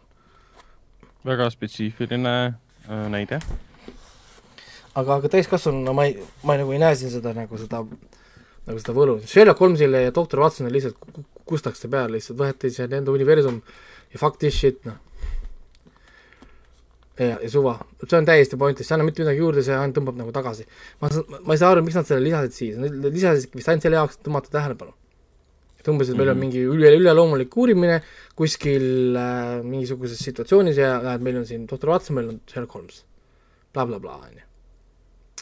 aga lugu leiab ikka aset ju esialgse Sherlock Holmesi ajastul nii-öelda, jah?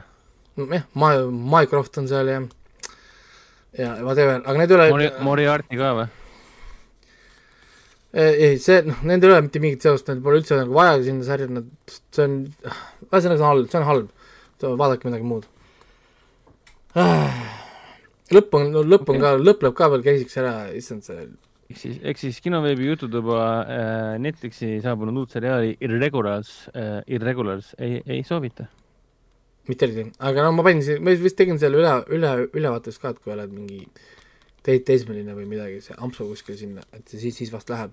sest tal on, tal on mingi, kindlasti põnev li,, äh, liiga Netflix, liiga Netflix, et olla meeldejääv. jah aus. no et siin on teatud võlu, ma kujutan ette, et nooremad võivad teatud asju nagu siin võtta nagu rohkem mingit see uurimise protseduurid, kuidas need lapsed nagu käivad, siin on teatud asjad, mis ma saan aru, võivad inimestele meeldida küll. aga olgu, lähme siit kiiresti edasi äh,, Jujutsu Kaisen esimene hooaeg sai nüüd läbi. Siis see suur kõrgelt hinnatud aasta parim anime ja kõik, mis mis mis ta, mis ta siin sai, see, see nüüd sai läbi ja, ja, ja kui ta algas, ütleme minu jaoks siis põhimõtteliselt nagu Naruto üks-ühele koopia ja halb koopia, mitte nagu parem koopia siis, siis lõpuks nad leidsid niisuguse oma niisuguse nagu, nagu mustri, ütleme siis nii. või niisuguse oma nagu, oma nagu rütmi, millega nad läksid ja nüüd nad on nagu ikka nagu eraldi se- seisavad. et hooaja lõpuks täitsa hakkas mulle meeldima. et, et mulle nagu jah, meeldib, meeldib noh, nagu siin seesama, mida me siin rääkisime, me rääkisime, kui te siin olite, et nad on ise nii halastamatud ka et nad ei käitu nagu head karakterid, nad käituvad karakterid, kellel on töö, töö, kellel on töö vaja teha. Mm -hmm. noh, nagu Ah, et nad isegi hirmutavad eh, neid pahasid, keda nad nagu taga ajavad. nojah, et siin mulle meeldib seesama idee näiteks, et see paha äh,, see on nagu kol- kolm venda on ühed, ühed pahad siin hiljem hooaja lõpus ja siis äh, kaks venda nagu kaklevad enda ja siis meie peategelastega ja siis noh, ta vend hakkab nagu kaotama, ta mõtleb, olgu, et näed, noh, vend kaotab, ta sureb märtrina ja siis ta vaatab, et vend tapetakse ära või ta hakatakse piinama. siis tal on nagu ähm, miks ta teda ära ei tapa siis, miks te piinate teda? noh, nagu, et, et ja siis ta hakkabki reaalselt nutma, vaata, nutab pisarad silmas ja siis proovib nagu venda nagu appi minna või siis vennal ise ots peale teha, aga see ei lase. aru, teine karakter ei lase, vaata, ehk siis ta ei taha nagu sellele vennale midagi teha ka, vaid ta lihtsalt ei lasegi, vaata, noh, eks ta lihtsalt takistab nagu seda, et see saaks jätkata piinamist ja et see ei saaks takistada seda. Mm -hmm. et noh, aga kas on, kas on siis nagu verine seriaal ka või see piinamine on selline ei, no vaata, noh, need on, selles mõttes see, nad piinavad mingisugust, mingeid varjukolletisi, nii et selles mõttes nagu okay., noh, seal ei ole nagu mingit, nad ei piina nagu teisi inimesi, verd siin ikka on, aga ta on ikkagi suhteliselt niisugune leebe selle koha pealt, et see on niisugune fantaasia ja multifilmi vägivald, et eh, midagi erilist nagu pole, ilus animatsioon, ilus muusika äh,, jubedalt venib jälle, sest noh, ta on see fighting anime, ehk siis kui te olete vaadanud neid kaklusanimesid, siis kolm episoodi on üks, üks kaklus, on ju, noh nagu, et siis nagu mm. noh, täna on kuidagi mind natuke ära väsitanud see kak-, kaklusanime nagu teema, et, et see aeg, kus ma vaatasin Dragon Ball Fightersit või see Dragon Ball Z ja Dragon Balli, kus, kus kakskümmend episoodi oli üks fight, see aeg on möödas, ma enam ei taha. nüüd, nüüd ma tahaks nagu sisu. noh, noh, noh, noh, nagu saada ja siis sai läbi üks teine, millest ma varem korra rääkisin, oli Suppose a kid from the last dungeon boonies move to a starter town. hästi tore nimi äh,, hästi, hästi tore nimi klassiline nimi. Ja ma ütlen selle nime uuesti, kui keegi tahab teada, millest ma kohe rääkima hakkan. Suppose a kid from the last dungeon boonies moved to a starter town. ei saanud ikka midagi aru. jah, esimene hoogs läbi. ma põhimõtteliselt rääkisin ka, see räägib loo ühest noorest poisist, kelle nimi on Lloyd. ta kasvas üles legendaarses külas, seesama see The Last Dungeon Boonies on siis see küla, kus äh, on siis see maailma viimane krüpt või koht, kus siis elavad kõik kõige kurja, kurjemad teemonid. ta kasvas üles külas, kus olid kõik lege-, legendid, kõige tugevamad äh, nõiad, kõige, kõik äh, maailma kangelased ela- ela- elasid seal külas, ta kasvas seal külas terve aeg üles, aga ta oli oma küla kõige nõrgem ehk siis tema võttis oma nagu maailma väärtused ja standardid selle järgi, et ta on oma küla kõige nõrgem. tal oli suur äh, soov saada sõduriks, ta läheb siis, kolib nagu linna ja linnas ta siis muidugi avastab, et ta on tegelikult nagu üleloomulike võimetega põhimõtteliselt superkangelane tavaliste inimeste keskel ähm, esimene hooaeg algas väga hästi, ta oli väga niisugune kihvt, oli humoorikas, aga hooaja keskel mul oli räigelt koblaka sees sellest samast huumorist juba. ehk selles nagu igas episoodis seesama huumor recycle ib ilma nagu midagi uut lisamata või midagi nagu andmata. ma olin väsinud sellest ju. ja viimase e- episoodi ma suhteliselt skip, skip isin läbi, ma lihtsalt, ma lihtsalt tahtsin näha, kes võidab selle viimase fight'i. Teist hooaega ma kindlasti vaatama ei hakka, kui peaks tulema. Mhm. et sellega ongi see, see anime on igal juhul läbi ja mul hea meel, sest sai läbi, sain ühe aasta nimekirjast maha tõmmata ja aitab see, ammendas ennast kiiresti ära. nüüd ma räägiks kiiresti et ühest teist anim- animest on Kanda, Kanda, Kandakava Jet Girls äh,. guugeldage ma juba, ma juba kardan, aga okei okay,, palun jätka. gu- guugeldage korraks äh, Kandakava Jet Girls, mina vaatan siis sellist asja nagu uncensored version oi, oi, see asi läheb käest ära kohe. nii, aga jah, ei tea, mingi R, R-rated sektsiooni tegema meie, meie. üldiselt, üldiselt on, et kui on animatel on olemas uncensored version, no siis, siis, siis, siis jah.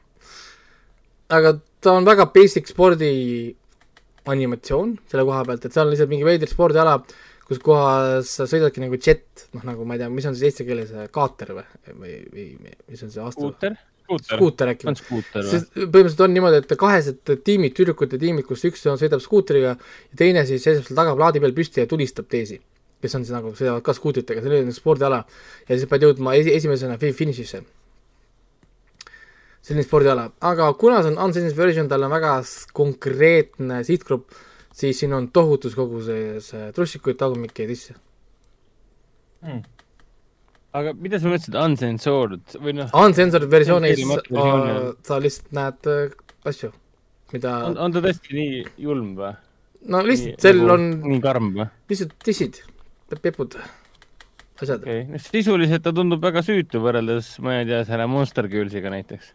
ei no ta on nagu süütu küll võrreldes siin see mõned teised sarjad, mis, mis ma olen vaadanud ja anime mõttes, ta on, ta ongi, ta on selles mõttes väga kon- konkreetselt tehtud noortele täiskasvanutele lihtsalt pure entertainment, selles mõttes, et sul on sport, see on action käib kogu aeg äh,, erinevad animetüdrukud lihtsalt hüppavad, võitlevad, karjuvad, teevad sporti ja siis põhimõtteliselt siin on seotud siis asjad, mida no noored võib-olla tahaks. Vi-, vi-, virtuaalreaalsus, videomängud, sport ja tüdrukud. ahah. Ta on videomänguna, tuli ka nüüd hiljuti välja või noh, eelmine aasta vist tuli välja videomänguna. jah, et äh, jah, ta tuli mul sellepärast, et High Dive hullult äh, surus mulle seda peale, oo, meil on, vaata, vaata, meil on uus kõva sari, ma hakkan, olgu, ma siis vaatasin. paar osa olen vaadanud mm., niisugune meh, pole nagu midagi erilist. siis äh, vaatasin Paradise PD kolmanda hooaja kolm esimest ep- episoodi ära, sa sama, sama, ma olen sama kaugel. teise hooajaga sarnane huumor, endiselt mingit metateemat ei ole, lihtsalt äh, niisugune ühe episoodi peale kaks, kaks nalja on ja ülejäänud on lihtsalt äh, täidetud äh,, ülejäänud nagu episood täidetakse lihtsalt rõvedustega ära. ma ei tea, ma olen vist vähe nõudlikum, et mulle see kolmas hooaja algus vist isegi meeldib rohkem kui teise hooaja algus.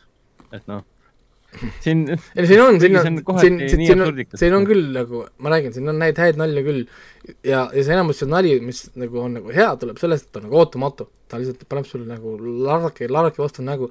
näiteks seesama, kus ta, see vana mees on tal selle beebikotiga süles, ta tõmbab ta luti, luti suust välja. ma lutti suust välja, et mis seal luti, mis see lutt tegelikult on, kurat võtaks. see lihtsalt, et, et Ah, et see on, noh, sa ei oota seda või see pole üldse nagu koht, kus see peaks tulema midagi. Ja siis on nagu noh, ja s- samamoodi, et kuidas, kuidas teha äh, vanamehele, kes teeskleb, et ta on beebi, et ta ei situks nii palju, võtad kätte ja karjutab peale, ära situ ja raputab teda kõvasti. Stop shitting. ehk siis te tahate öelda, et see on selline seriaal, et kui, kui, kui keegi teie mm, inimestest peale satub, siis teil on väga raske selgitada, mida no seesama, ja kui kui, kus ma Jah. sisse, sisse astusin, te vaata, kui te siin vaatasite. Astusin siia kontori uksest sisse ja esimene asi, mis ma nägin, oli, kus ta tõmbas luti suust välja, vaata. jah, jah, nagu esi, kuidas, sa täpselt sellel ajal astud sisse? See sari ongi nagu loodud sellele eesmärgile, et keegi astuks sisse alati õigel ajal. ei no see oli, see oli mul nagu mul oli selle, see, see äh, High School D, DXD selle animega oli, et e e episoodis on mingi kahes kohas, kolmes kohas on mingi dissid või mingi kahtlane asi, iga kord keegi astub sisse lihtsalt. et nagu ka- gar-, garanteeritud. õudne lihtsalt. aga jah, ei ta meeldib. jätkub, jätkub samas tempos ja ma ikka nägin niisugune so-so, et noh, ma vaatan natukene edasi, aga ma olen niisugune väga ikka kahe vahel, kas ma tahan seda edasi vaadata või mitte. veidi Äh, häirib see, et ta on kuidagi pikk. hirmus pikk on natukene, muidugi natuke üle kahekümne minuti, ta tegelikult võiks ju lühem olla. seal pole content'i, niikuinii neil pole seda content'i. Kuigi neil on, kuigi neil on rohkem content'i kui Family Guy's, mis kestab ka kakskümmend minutit. Nonii, et noh, jah. aga, aga selge, ma liigun edasi, mul on siin stuff'i kahtlaselt palju äh,. ma korra mõtlesin, ma räägin korraks vahepeal korraks For All Mankind teist hooajast ka, ma rääkisin siis, kui tuli teine hooaja esimene episood tuli välja. nüüd on äh, seitse episoodi läbi, kümme on kokku, ehk siis seitsekümmend protsenti teist hooajast on läbi. siis kõige suurem vahe e- esimese hooajaga on see põhiteema, põhiteema muutus, kui esimese hooaja teemaks oli naiste kosmosesse saatmine, naiste treenimine, noh, kogu see protsess, kuidas nagu seda läbi viia, kuidas seda mõeldes näidata, siis teisel on see külma sõja pinged on ikka põhjas. ta on mm -hmm. nii tugevalt poliitiliseks läinud, see on, sa oled kogu aeg põnevil, sest midagi kogu aeg juhtub. ja räägin, kuidas see seitsmendas hooaja, seitsmenda episoodi algus juba oli nii äh, päriselt või, kas te tõ- tõesti tegitegi nii või? ja ta on ikka väga nagu poliitiline nüüd on, nagu väga kihvt poliitiline niisugune nagu noh, sari. Ja muidugi noh, kuu peal asjad toimivad endiselt, nad tahavad nüüd Marsi peale minna, Mars on nagu järgmine sihtpunkt.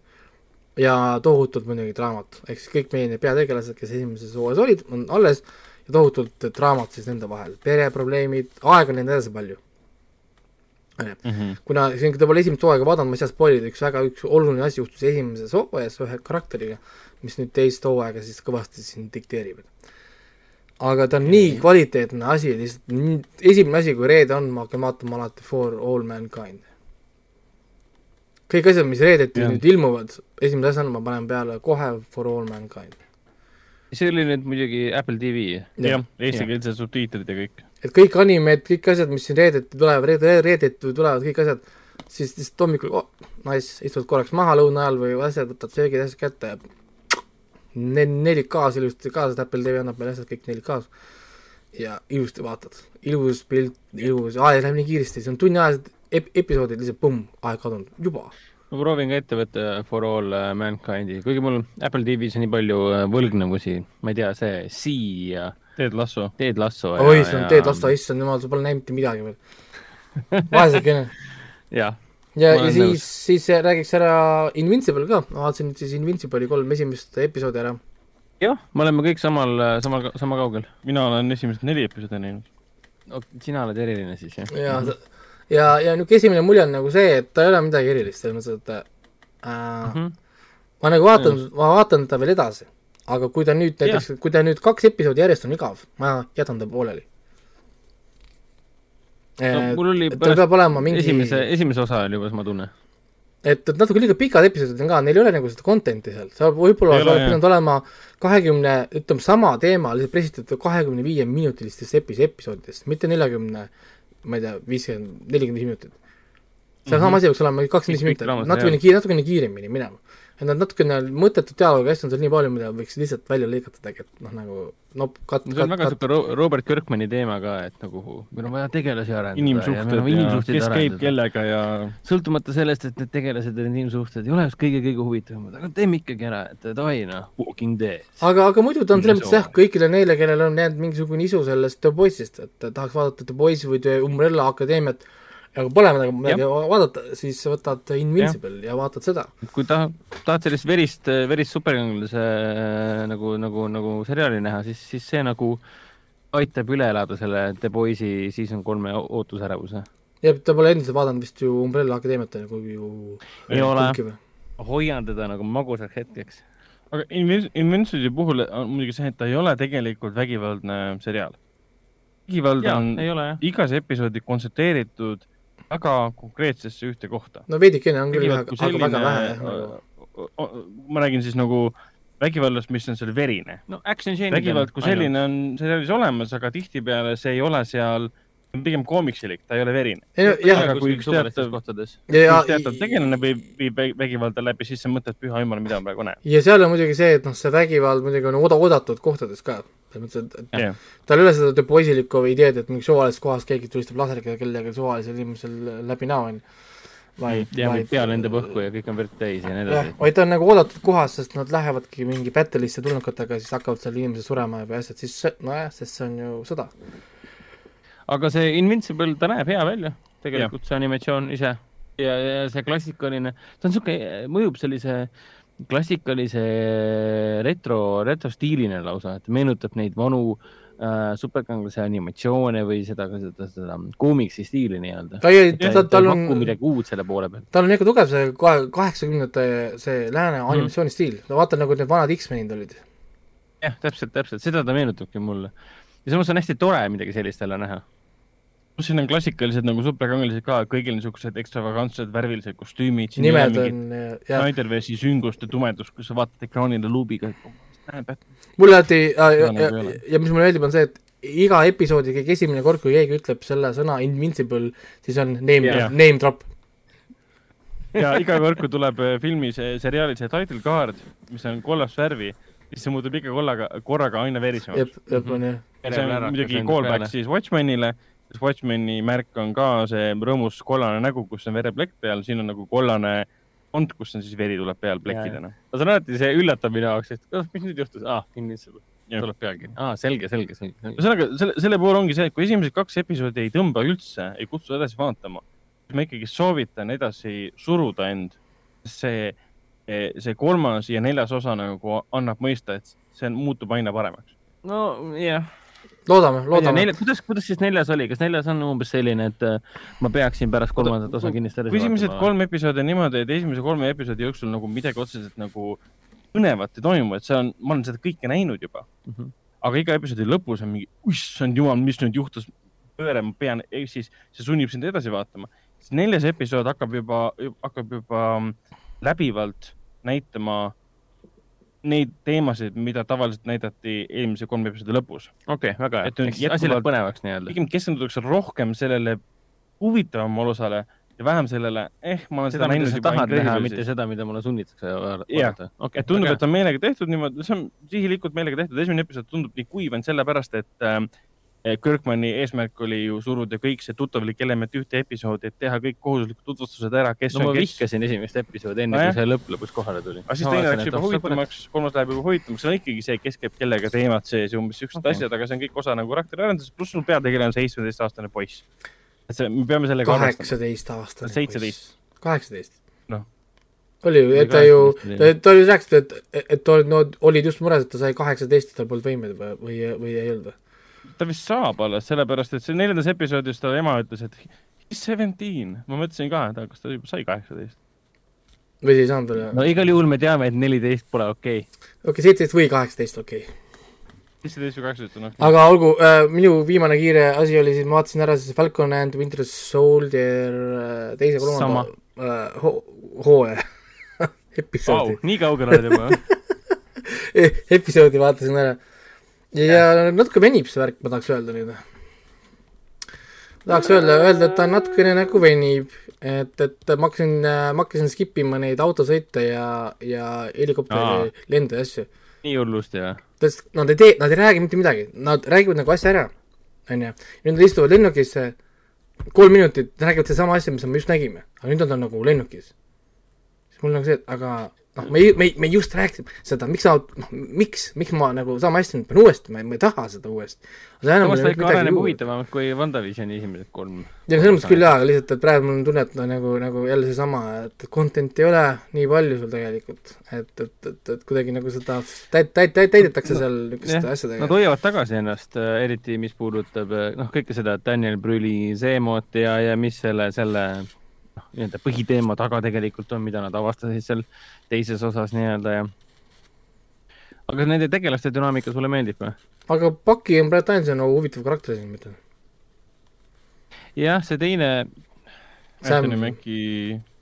Sam X- Sam Wilson või? Sam ju. Sam on kuidagi väga siukene, siukene Kõrvaltegelane. moraalijünger nii-öelda tema on see, kes nagu tuleb ja ütleb, et kuidas õige on. ta lihtsalt seisab kõrval jah, nagu ja, ja midagi nagu on seal või noh, nagu hetkel tal ei ole, tal ei ole nagu, tal ei ole nagu eesmärk, noh, tal ei ole eesmärk pointi praegu nagu tal seal Samil, vahib seal lihtsalt nagu ringi, teeb sul nägusid ja krääksub, et kurat, seal oli esimene mustanahaline blä-blä-blä-blä-blä, kopees sellest kuradi rassipasast juba, ta nagu läheks nagu, nagu päris kuigi see pööre oli päris huvitav.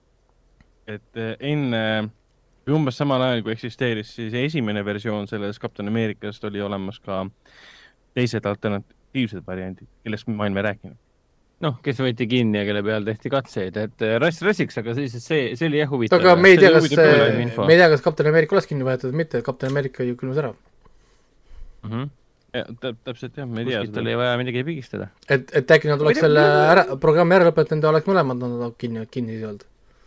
Mm, noh, jah, täpselt, et noh, mulle ta pigem meeldib, kuigi ma näen, et siin on mingid teatavad, ma ei tea, lihtsameelsed äh, nagu lahendused või loogika no. seesama, et nad see, kolmanda, mina ei usu absoluutselt seda, et politsei läheb tänaval kinni sellepärast, et on mustad, mustanahaline, hakkavad tema käituma agressiivselt. et nad ei tunne ära, et on Avengeris see on võimatu. maailmas, kus Avengersid on kõige suuremad superstaarid ever, Need on, ma ei tea, viimased kümme-viisteist aastat on olnud või ma ei tea, kaua need, kui Avengersid on olnud seal söögi alla ja söögi peale, eriti korrakaitset tehakse, kes on Avengerid. jah, ütleme kogu selle stseeni, see oli siis teises episoodis setup mm. -hmm. oli kummaline. Nad just tulid sealt teise selle mm, mustanahalise mm, nii-öelda kapten Ameerika juurest, siis väike spoiler siis kuulajatele. järsku ilmus politseiauto välja, tulid siis äh, mehed relvadega, põhimõtteliselt politseinikud relvadega välja, olid valmis nende juurde tulema ja küsima, mis lahti on. Ja setup oli siis see, et justkui Sam ja siis Bucky olid natukene vaielnud. Nad nägid välja, nagu oleks väike konflikt olnud.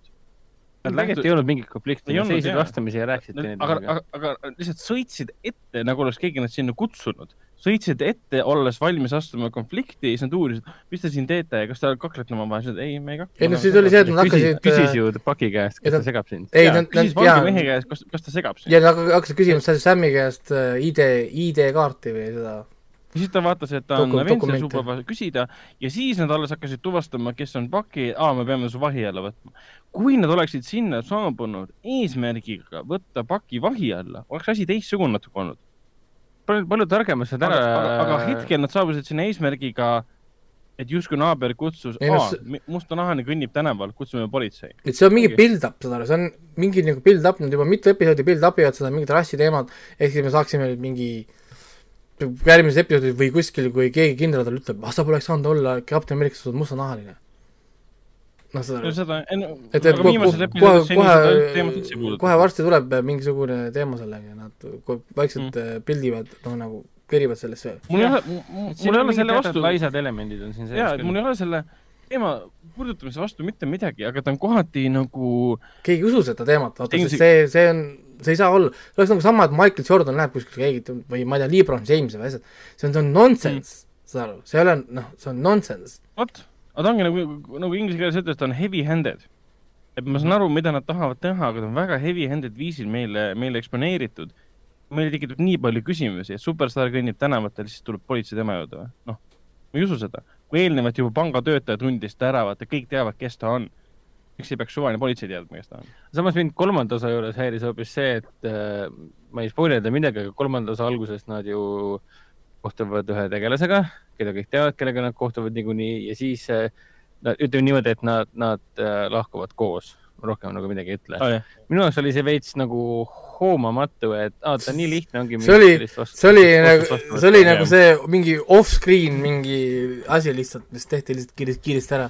aga et nagu- minule meeldis sealt see, et see Sharon, see karakter, ta on, ta on nii badass, et ta võiks üksinda olla mingi Ave- Avengersis, sest ta tõmbab üksinda terve mingi saare jagu kuradi palgamõrvarid maha või asju.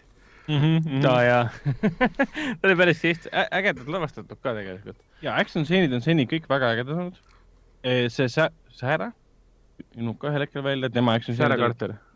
On ju Carter, see on selle Peggy Carteri lapselaps või? jah, täpselt. see on teada, et ta välja ilmub, ta on posteril olemas ehm,. ja action on äge, aga mu- mul on nagu Raiko selle koha pealt nõus, et ta liigub aeglaselt. Kuigi siin on sama teema, mis oli WandaVisioniga, esimesed kolm episoodi olid aeglased. tekitas küsimuse. kuigi siin on ikkagi rohkem sisulist liikumist, et ma olen selle sisulise liikumisega nagu rahul, aga samas, kui sul on ikkagi neljakümne minutiline episood, mis on teeskleb, et ta on viiekümne kolme minutiline. nojah, aga mõtle Aga- nüüd selle peale, et me oleme saanud praegu kuue episoodi jagu content'i võrreldes WandaVisioniga, sest ta on kaks korda pikem kui WandaVision. seda küll, ehk siis neil on siin palju rohkem aega, et niisama chill ida. Selle asemel, et edasi arendada asju, et siis nagu, oi, meil on nii palju asju, mida teiega teha, siis tegelikult on umbes niimoodi, et kolmkümmend minutit me lihtsalt chill ime. et veitsa nagu palju küll on seda niisugust nagu kõndimist ja jalutamist, nad peale action stseeniga jalutavad mööda maanteed, siis on mingid stseenid, kõnnivad mööda mingit kõnniteed, siis nad kõnnivad mööda tänavat kuskil Lätis, mingi lõputu nagu jalut-, jalutamine käib, kus nad arutavad nagu Õigus, samu jah. asju kogu aeg uuesti nagu üle, nad ei aruta nagu uut infot, vaid seda vana infot recycle ivad. mul oli nagu kogu aeg see, et noh, ta ju ei lisa Neil- mitte midagi, see koos, see see, et see dialoog ei lisa mitte midagi, see on see, mida ma videomängude juures alati vaatan kui sinu dialoog ei lisa mitte midagi mulle, siis miks sa raiskad minu aega sellega? jah, nõus. iga dialoog peab andma mingit infot juurde, mis aitab äh, lugu edasi arendada, see ei pea lihtsalt augutäide olema. aga kindlasti mainiksime selle ka ära, et äh, Vilnius ja Riia on äh, tähtsal kohal. kolmandas kolmandas episoodis on, liiguvad meie peategelased Lätti, Riiasse siis, nad käivad ka Vilniuses. olgugi, et eh, seal nad tegelikult ei filminud kordagi ametlikult teadaolevate kanalite kaudu, kus nad nagu filmisid, oligi Praha ja Prahas nad tegelikult filmisid isegi esimese episoodi Tuneesiat. Neil oli seal seda lihtsam teha, sest nad said kohe samas kohas filmida ka eh, Lätit ja Leedut. ma isiklikult olen äh, Riias ja Vilniuses äh, ringi tšillinud küll, isegi mitu päeva järjest nii-öelda.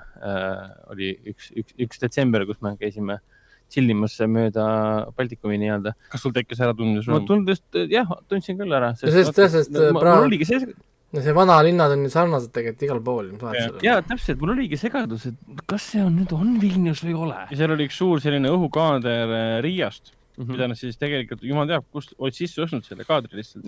suvaline dronikaadr, kellelgi on arhi-, arhiveeritud footage ja nii-öelda. tänavatele pandi siis eh, Riia tänavanimed ja kõik, kõik sellised asjad. aga see vähemalt on tore, et nad vaeva näevad ja, et noh, ja Eesti lipp on ka episoodis sees, alguses, mida, kolmandas või? Jah. on või? kus see reklaam on sellele mm, Global something something council Global Re-, repatriation, sa ei ole ilmselgelt Death Strandingut mänginud. aga, aga, aga kusjuures see Paneme uus Kapten Ameerika käib juba ammu pinda mulle. See Aa, see on näha, mulle see- meeldib, kuidas see- nad see on sotsiopaat, see- Nad teevad teda aina rohkem selliseks äh, vaese mehe homelanderiks nii-öelda. kas sa tead, kes ma olen? Do you know who I am? This guy is gonna snap nagu, snap Jah. hard. jah, ma juba ootan seda suurt konflikti, mis temaga tekib. ta ei ole see suur, suur kilbikandja ja Ameerika mina ootan seda stseeni, kus ta läheb seal võitlema ja siis äh, Paki võtab tal see kilbi käest ära ja paneb talle vastu kukalt selle. jah, tegelikult ma ootan seda küll. aga, aga jaa, Sebastian Stan Paki näitlejana on selle seriaali hetkel ähm, OP äh, nii-öelda nojah, sest tema on ainukene, kellel on põhimõtteliselt supervõimed. Jah. võrreldes most valuable player on kogu selle seriaalis hetkel. aga olgu, rääkige Aga oma, üllatusi- oma, oma asju ka nüüd äh, juurde veel siia, sest äh, ma olen terve oma pika listi nii kaua aega võtsin, jõhker. Ei no ei, ole palju aega, et Hendrik, mul siin Hendrik paar asja on jäänud nendest asjadest, mida me juba ei ole puudutanud, et ma miinu-, lahutan maha kõik need, mida me oleme juba rääkinud. aga ma siis lõpuks hakkasin vaatama eh, Netflixi sihukest seriaali nagu Bonding, mis on ka hästi lühike, oli vist kaheksa, seitse episoodi. Ja iga episood on tegelikult väga-väga lühike, taaskord mingi vaevu viisteist minutit oli vist mõned episoodid ja miks ma ütlesin, et lõpus hakkasin vaatama ainult sellepärast, et see teine hooaeg ilmus just hiljuti välja. Ja Netflix nagu surus mulle seda peale, et ma ikkagi vaatama hakkaksin seda. Ja ka see, noh, tegemist on BDSM teemaline ehk siis sadamaso teemalise komöödiaseriaaliga, sitcomiga nii-öelda. ja nagu see ei tundunud eriti noh, põnev minu jaoks, sest ma olen korra seda sadamaso teemat nagu filmides näinud ja see ei olnud muidugi see äh, viiskümmend neli varjundit, vaid see oli Eurotrip kunagi ka- kaugest-kaugest lapsepõlvest. aga ma mõtlesin, et võiks ju proovida, et ma esmakordselt hakkasin ka seda tegema, et ma olin üks õhtu julmalt väsinud ja võtsin lihtsalt telefoni kätte ja hakkasin esmakordselt elus ühte kindlat seriaali kodustes tingimustes vaatama läbi telefoni. mis oli väga, võib-olla katsetus lihtsalt sellise seriaali puhul ka. aga üllataval kombel mulle see seriaal täitsa meeldib, et mul on esimene hooaeg nüüd vaadatud, vaatan kindlasti ka teise hooaja ära, eriti meeldib mulle seda vaadata sellepärast, et ta on niivõrd lühike, lühikesed, lühikesed episoodid. ja põhimõtteliselt meil on siin üks äh, dominatrix, kes päeval käib ülikoolis, öösel on ta siis dominatrix ehk siis on siis, ma ei tea eesti keeles äkki dominat-, dominat-, dominat-, Dominatrix. dominatraxinna või midagi taolist, pane see inna ei- lõppu, et ta on nice, nice sauce nii-öelda. ei kujuta ette. ehk siis tema on see, kes äh, nii-öelda teeb erinevaid asju erinevatele meestele ja naistele, kes tunnevad, et neid võiks äh, eriti karmilt või eriti huvitavalt, ebatavaliselt kohelda, et nad saaksid oma seksuaalse naudingu. ja tema parim sõber äh, liitub temaga, alguses ta ütleb talle, et kuule ja ma töötan hädaabikeskuses nine one one operaatorina. tuleb kohale mingi, see on mingi sex dungeon või? jah. on, on operating office ei ole. Nope, kas ma sulle ei maininud siis või? ehk siis eh, tema parim sõber on eh, rahahädast, ta on niisugune natukene niisugune ullik, tagasihoidlik ja siis põhimõtteliselt kogu lugu, kogu esimene hooaeg räägibki põhimõtteliselt sellest, et kuidas üks tegelane varjab maailma eest, kes ta tegelikult on ja teine tegelane püüab nii-öelda oma, oma nii-öelda alaväärsuskompleksidest natuke üle saada ja kuidagi rohkem ennast eh, pea liivalt rohkem välja tuua ja tõestada ennast maailmale. aga sari särab eh, puhtalt sellepärast, et siin on väga palju selliseid koomilisi elemente. noh, põnevalt, põnevad tegelased, põnevad arenevad tegelased ja väga palju koomilisi elemente, mis puudutab siis eh, noh, BDSM-i, BDSM-i maailma üldiselt. et kellel meeldib selline lühike, aga terav suusakas ägedad komöödiad, siis Bond- Bonding äh, Netflixis on kindlasti, kindlasti minu soovitus, kange soovitus. Siis Hulust ma vaatan edasi Raiko kõigi aegade lemmikseriaali ehk siis Debris selle nädalal tuli siis viies osa välja. vahepeal oli lootust, et sari läheb paremaks, kui ma nüüd ei eksi, äkki see võis olla nel-, kolmas osa kolmas oli jah, see Äh,, see hea jah. osa. Raiko kiitis seda, see oli vist need kummit- või noh, need kummituslikud kujud seal klaasid, noh. jah, see, jah, jah, see oli täitsa korralik. ja see mulle ka meeldis tegelikult. Aga noh, Debris on siis see seriaal, mille loojaks on äh, sellesamuse maailmakuulsa seriaali Fringe'i looja. aga põhjus, miks me seda kõik vaatama hakkasime, sest noh, loogiline, Fringe'i tegija tegi uue seriaali äh,. Raiko seda meile muidugi lampi mainis, et tal on uus seriaal väljas, keegi meist seda ei teadnudki, et sihuke sari üldse välja tuleb, mis on ka nagu kummaline natukene aga seriaalil on väga palju probleeme, me oleme sellest podcast'is varem rääkinud ka ja, ja need probleemid on nüüd tagasi täiesti suurel rinnal, et see okei okay,.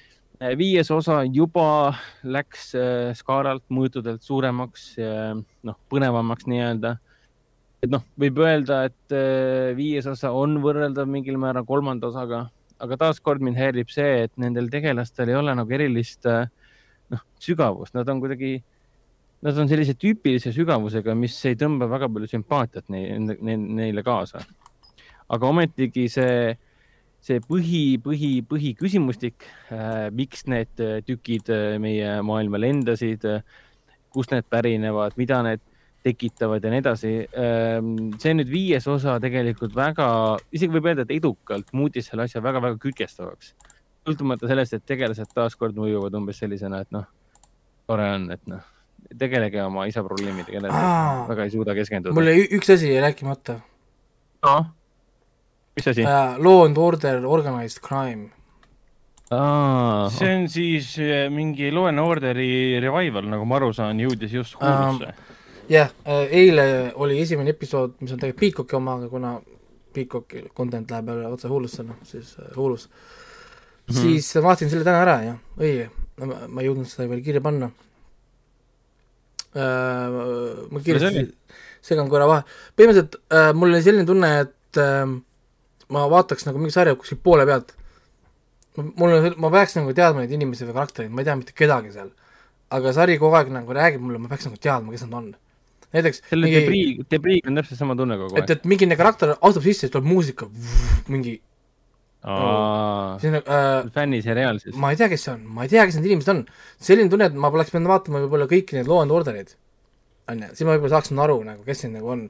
Aga point on selles, et esiteks ja, ja, siis teine mure oli see, ta lahendavad mingit nagu juhtumit, kus kohas selle peategelase äh, naine sai nagu surma. jälle nagu see, et ta, ta, ta nagu näitab mulle nagu previously. kas mul, kas siis on olnud enne mingi film või mingi asi, mingi asi peab olema nagu ennem, sest nad kogu aeg eeldavad, et ma peaks nagu teadma, millest jutt nagu käib. see on esimene hooaeg, esimene episood, aga ma ei tunne inimesi, ma ei saa aru, mis siin nagu toimub. samal ajal muusika põnev, mingi action kogu aeg käib, tulistamised käivad, keegi arreteeritakse, kurat, sa oled see vend, sa oled see mingi, kõik asjad käivad kogu aeg, sa elad hullult kaasa, sa ei saa mitte midagi aru. see on umbes sama efekt vist, kui sa vaatad Avengers Infinity War'i või, või Endgame'i ja sa pole mitte ühtegi äh, Marveli kinouniversumi filmi varem näinud ja siis vaatad mingi. Saan aru, et need on kõik väga tuntud tegelased ja nad kõik tunnevad üksteist, aga ma ei tea, kes aga need on. seal ongi see, et see on peaosas on see Christopher äh, Meloni Meloni. Kes mängis kaheteistkümnes hooajas siis Law and Orderis. tema ongi see Law and Order üks staaridest, kes nüüd astub üles selles. ei no seda ma tean, ehk siis tema naine sai surma kohe. spoiler. ja see on siis seitsmes, seitsmes hooaeg nagu siis või? kuidas nad võtavad seda? see on siis S. SVU, Law, Law and Order, see SVU siis spin-off seriaal. okei okay,, vot sellepärast ma võib-olla siis oligi mul mure, et ma ei tundnud neid inimesi, sest ma saan aru, et kui see on mingi spin-off, sa peaks teadma, kes nad, kes nad, kes nad on.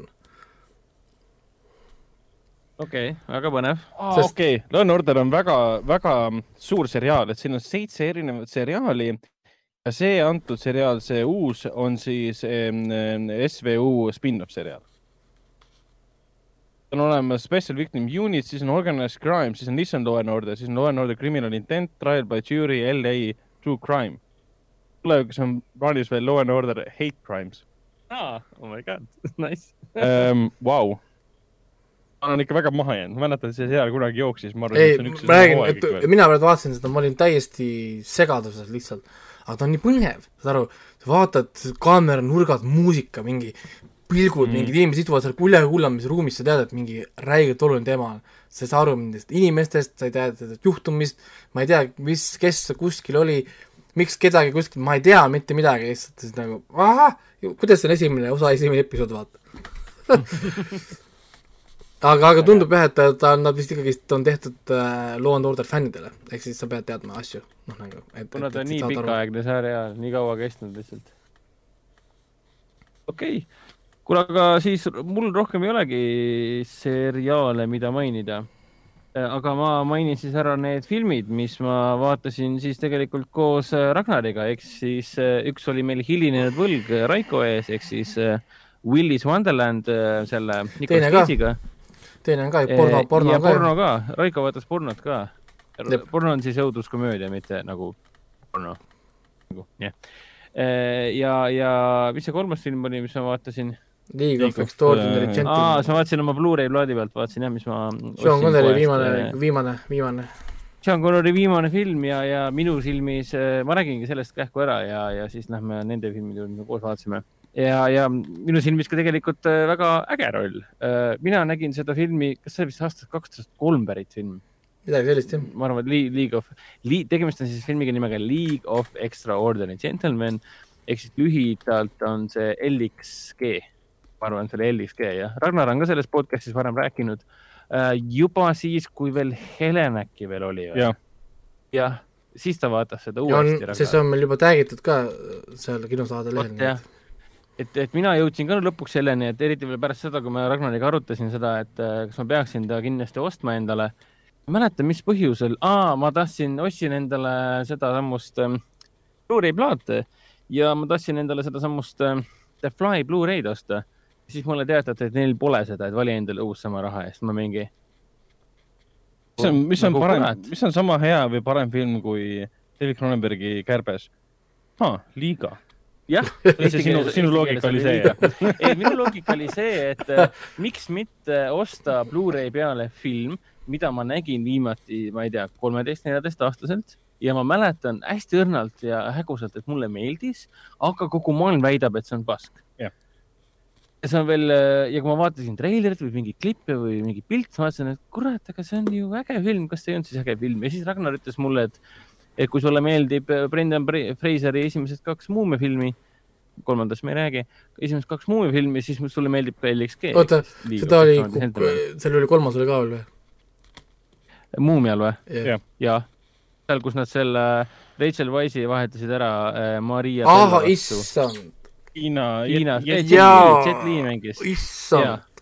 sellepärast ma mainisingi, et sellest me ei räägi, et. täiesti, aju oli täiesti ära blok- blokeerinud selle. siis me räägime ainult esimesest kahest, need on suurepärased ja filmid. täiesti kõik märgid vih- vihjasid sulle, et see on halb film, sest režissöör Steven Norritoni jaoks oli- oligi see tema seni viimane film. ja kuigi Norrington oli ka see, kes tegi esimese Blade'i koos Wesley Snipesiga et noh, äge režissöör ja kõik siuksed asjad, aga minu jaoks oli Kirstu Nael, nii-öelda positiivne Kirstu Nael oli see, et vend ütles, et see on Muumia sarnane.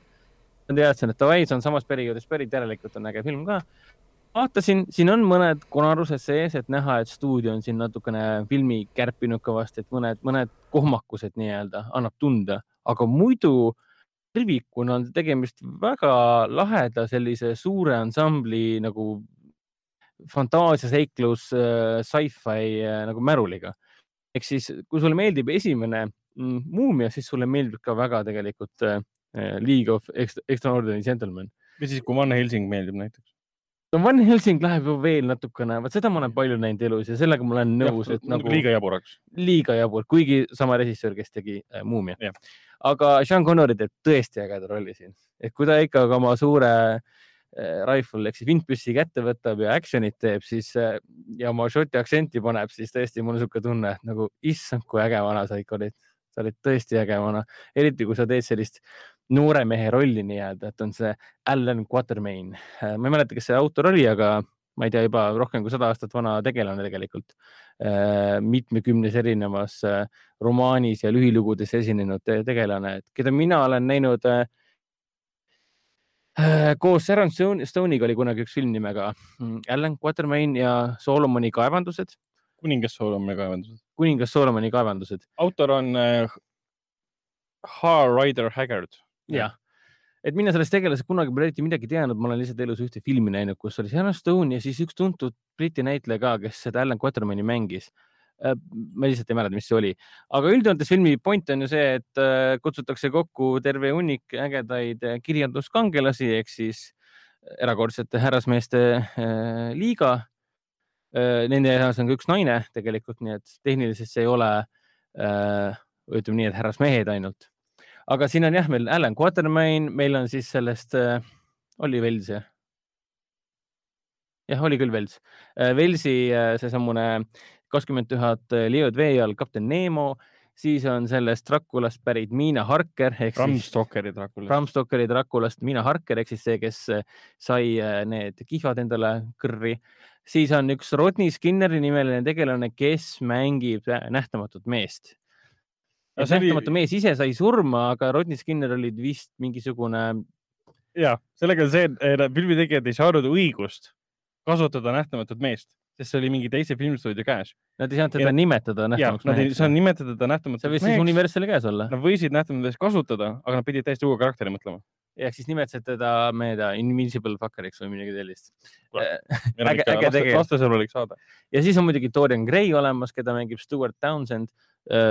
Väga lahe tegelane taaskord ja siis kõige äh, naeruväärsem asi, mis ma elus olen näinud ja elus taaskord meelde tuletasin, oli see, et siin mängib ka Tom Sawyer, kes on USA salaagent. et action kangelane Tom Sawyer.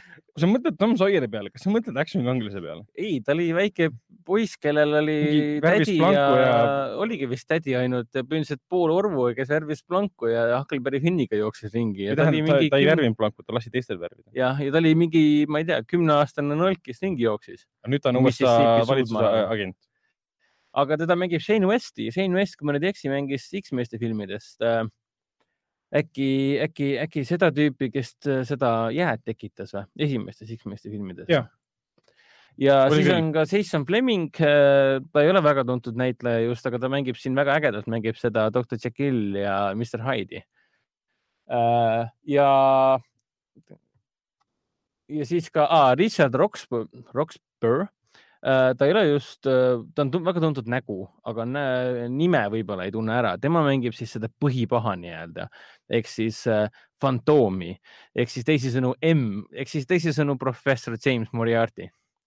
et algul tutvustatakse teda M-ina, siis pärast öeldakse, et äh, ta on fantoom ja siis pärast tuleb välja, et on tegelikult Moriarty ja mul polnud see twist. Sorry, see on vana film, ma võin seda vist välja öelda, on see okei okay,, Raiko või? Ja ikka on muidugi. mõttes jah, kui film on ikka meie mõistes täisealine Jah., siis, siis äh, võib ehk siis, ehk siis meie suht- täisealine, ehk siis eh, selle härrasmeeste liiga kutsub kokku eh, mees nimega M. ja pärast tuleb välja, et ja siis see põhivastane, kes tahab siis eh, esimese maailmasõja eelse Euroopa viia, tähendab kogu maailm isegi viia, eesmärk on viia esimese maailmasõja aegne eelne, eelne maailm viia siis esimesse maailmasõtta kiiremini Mhm. ja pakkudes samal ajal ka üliarenenud relvi, mida esimesel maailmasõjas ei, ei, ei, ei, ei Jah. olnudki nii-öelda saadaval üldse. see kõik Ja- meenutas mulle natukene sedasamust äh, mm, Sherlock Holmes kahte ja miks ta üldse kokku kutsus neid, oligi sellepärast, tal oli vaja nende kõikide Jah. inimeste ja ehk siis Fantoom oligi see, kes nad kokku kutsus. ta, tal oli vaja teha superkangelaste armee ja tema eesmärk oli kõigilt nendelt tegelastelt, nad kõik on vaja kokku saada ja nendelt on vaja siis tükk nendest varastada ehk siis luua enda nähtamatute meeste, vampiiride äh, äh, äh, kapten Nemode armee, ei ei, Nemolt ta varastas tema selle Nautiluse aga plaanid. ta Tom Sawyerit varastas? Tom Sawyer ei olnud osa, whimsical attitude, Tom Sawyer ei olnud osa tegelikult liigast. Ah. tema tuli ise sinna juurde, pressis ligi nii-öelda. aga filmis on väga palju ägedaid set piece'e, väga kihvtid nii-öelda action stseenid, väga kihvtilt on need lavastatud, mõned hetked ei ole üldse hästi säilinud selles mõttes, et ajaliselt on see nagu näha, et issand, äkki ei oleks pidanud tollal midagi sellist tegema, kui sa tead ja sa näed omaenda silmadega, jumal ka näeb, kui ta olemas oleks et see lihtsalt ei tööta, näeb ilgelt kole välja, aga nad tegid seda ikkagi.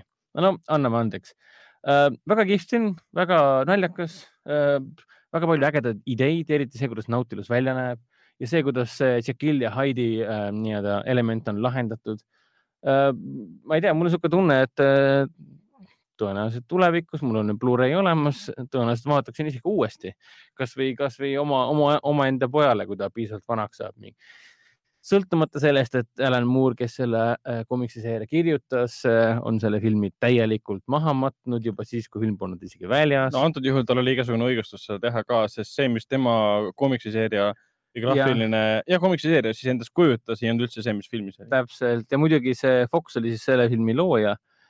ja, ja muidugi film kukkus, kas ta kinodes ju teenis tegelikult midagi ju teenis, ta tehti seitsmekümne kaheksa miljoniga tehti ja sada seitsekümmend üheksa teenis tagasi. Aga sõltumata sellest äh, igasugused plaanid kukkusid täiesti läbi, et sellest saaks filmiseeria. ja noh, kuna see jäi Sean Connery viimaseks mängufilmiks eh, väidetavalt põhjusel, et režissöör oma saamatuses vihastas Sean Connery välja. Sean Connery eh, omal ajal rääkis intervjuudes ka, et ta pole kunagi olnud nii ebaprofessionaalsel võtteplatsil. ta kahetses kohe, kui ta selle filmi peale tuli, ta hakkas vihkama täielikult Hollywoodi süsteemi, otsustas, et tema enam üheski Hollywoodi filmis ei mängi. võtteplatsil olevat olnud sellised teemad, et Norrington võtteplatsile paika pandud, kõik valgus oli paika pandud, kaamerad paika pandud, tuli kohale, hakkas stseeni ümber mõtlema. ja siis ühe stseeni filmimine võttis, kaadri filmimine võttis tegelikult hoopis, ma ei tea, seitse tundi, sest kõik kaamerad pidi ümber paigutama ja väidetavalt ole, ole, peaaegu oleks siis Sean Connery talle lõuga andnud ka. karjunud tema peale, et ma ma- ma- ma- ma- miks sa raiskad mu aega, mõtled päeva peale, kõik on valmis tehtud, aga sa mõtled päeva peale ümber, mida võiks teha ja see ei muutu filmi paremaks. ja et ma saangi aru, et miks filmi noh, nii-öelda al aluse, alus kõik põhja läks, oligi nii peamise režissööri tõttu. aga noh, mis seal ikka, sellise saatusega film ta oli ja minu meelest on ta kultusfilmi staatus kindlasti väärt. aga räägime siis pornost ja Willis Wonderlandist. mis asi on porno, me kõik teame, mis asi on porno, aga kas me teame, no ma see praegu kahetsen seda, et ma kirjutasin Google'isse porno. AVP Äh,, AVP kaks on, AVP kaks on porno, puhast porno, kus midagi ei näe. Äh, see porno, millest meie räägime, on äh, üle-eelmise aasta film, see on õudusfilm äh, noortest, kes äh, töötavad ühes kinos, mida juhib üks äh, väga-väga kristlik äh, härrasmees, mistõttu on kogu, kogu nende käitumine ja, ja ütleme, maailmavaade juhindunud, juhindub, juhindub siis täielikult ähm, kristlikust maailmavaatest selles kinos. noored jäävad siis kinos ühel õhtul üksi, boss läheb minema. Nad avastavad juhuse tahtel siis, et kinos on mingi salajane uks, mis viib kuskile justkui teise kinno, mis Mhm. on maha jäetud, ämblikvõrkudega kaetud, pime ja nad siis leiavad ühe riiuli pealt vana filmirulli, vaatavad, et seal on mingi kummaline märk peal, et okei okay,, võtame selle kaasa ja vaatame no seda. see, see selle, te täpsustate, alumine kino oli kunagi porno, pornokino olnud eraldi jah sissepääsuga., jah, jah, pornokino, see, jah. see tuleb jah filmi jooksul nagu hiljem välja ja nad panevad selle filmi rolli siis peale, mida nad sealt näevad, on selline justkui satanistlik ja poolperversne eh, ülesvõte, mida alguses arvad, et ta on mingi Euroopa no snuff-film. põhimõtteliselt nagu, nagu vaataks no- of Filthy From the Cradle to Enslave eh, muusikavideot. võib ka nii öelda. ja kui nad selle filmi ära vaatavad, mõtlevad, ei mõtlegi sellest eriti midagi, aga siis hakkavad juhtuma kummalised asjad ja mis siis selgub, on see, et selle filmi lindi vaatamine kutsus esile, lasi vabaks äh, sakkapuse. ma ei tea, mis see sakkapuse eestikeelne vaste on. ta on põhimõtteliselt nagu naisteemon, kes, kes võrgutab mehi ja tapab neid. jah, antud juhul selles filmis ta võrgutab mehi oma kehaga siis ja hävitab nende genitaale. peaasjalikult ainult. aa, seal oli see seal oli see hästi valus stseen, mida ta näitas hästi pikalt. oli küll. Ai, seda füüsiliselt. see oli nii rõve. see oli nii vastik. Et ühel, ühel tegelasel, kes, kes, see on väga naljakas, film on tegelikult väga naljakas ka, sul on üks tegelane, kes jättis kunagi ähm, suitsetamise maha ja nüüd ta räägib sellest nagu mingisuguseks, mingisugusest kokaiini sõltuvusest lahti saamisest, et nagu see oleks suurem asi, kui see tegelikult on. jah. ja siis ta otsustab, et tema on piisavalt kristlane, et sel teemonile vastu hakata, mis tal muidugi ei õnnestu ja siis see teemon põhimõtteliselt ähm, hävitab tema, tema peenise. Ja siis äh, ilmub välja, ilmuvad välja teised tegelased, kes tahavad teda aidata. üks tegelane, kes just oli kapist välja tulnud aa, ja siis seal oli see nali. äh, aitab tal siis peenise ja siis munandid nööriga kinni tõmmata ja režissöör võtnud kaamera, suunanud selle sinna, okei okay,, see on kõik fake selles mõttes ilmselgelt no,, ja me näeme, kuidas füüsiliselt see, see kinnisidumine, et veri välja voolaks, toimub. mis on täiesti absurdne. see ei, see ei toimiks tõenäoliselt enam ju. Ei, see, see, see pole isegi oluline, et kui see film jääb millegipärast meelde, siis on see üks stseen No, see on vastik, see- oli vastik, see oli, see tuli nii ootamatult ka või noh, nagu mitte kuskilt ja siis äkki oli oh,, mis see nüüd on. ja siis sa vaatad seda viis sekki, siis sa mõtled, see läheb kohe ära. ei lähe ära. siis, siis, siis sa keerad pea korraks ära, et kas sa nüüd on läinud, ikka veel on ekraani peal, mis seal toimub, noh. aga mis mind häiris, oli see, et tal oli üli-ülivalus. panid nööriga või selle kummiga selle peenise kõik kinni. Jäi väga palju verd kaotanud ja ülejäänud pool filmi vend kappas ringi nagu noor hobune. mul oli see, ei, sa ei jookse ringi. sul on, sa oled just verd kaotanud kohas, kus liigub kõige rohkem Jah. verd, sa istud Jah. maas ja nutad, sa ei jookse ringi ma. olen aru saanud tegelikult, et kui, kui su, su kubemepiirkond, eriti just su munadid, meesterahvates siis räägin, saavad, saavad rängalt vigastada, siis on väga suur oht äh, loetud minutitega põhimõtteliselt ära surra. oot, oot, oota, ja aga siin ta, siin ta natuke lonkas vahepeal. sa praegu kaks tuhat kakskümmend üks aastal, munandid ei ole ainult meeste teema. kas sa pole siis naiste sporti vaadanud või? nii, lähme edasi. ja, aga ei, porno, porno on tegelikult, tegelikult hea film. ta on väga kenasti üles võetud, siia on väga head näitlejad minu arust valitud. porno on hea film küll. näit-, näit-, mitte, mitte nagu väga head näitlejad, aga need rollid, mis on neile kirjutatud, sobivad neile ideaalselt. sõltumata sellest, kas nad mujal filmides on hilisõhtuse. On- aa, issand. seltskondlik õuduskomöödia on see, mida, mis te arvasite sellest stseenist seal lava peal selle gei po- poisiga pärast? Aa ah, jaa, see film läheb jah, teatud, teatud stseeni, stseenide osas ikka väga üle käte um. mulle meeldis see, et oo- oota, oota, kohe, kohe. et ühesõnaga jah, nad, neil lõpus õnnestub nagu see sakkapõus äh, tagasi sellesse filmirulli viia, nad peavad ühe teatava protseduuri selleks läbi viima um,. ja see film ei ole väga, ei tahagi, et seda nagu väga tõsiselt. See on ko- komöödia. naerad kaasa ja, ja mõtled, mida ma just vaatan. jah, no see ongi iga hea õudusfilmi äh, äh, parim kompliment. ja siis meil õnnestus ära vaadata film, mida Ra- Raiko on juba korduvalt äh, kiitnud või no ühes saates korduvalt siis kiitnud äh,. Wallis, Willis äh, Wonderland äh,, Nicolas Cage'i mm, selle aasta film juba siis, Nicolas Cage on sel aastal vist juba vist kümme filmi välja toonud. peaks seda kontrollima. Nii.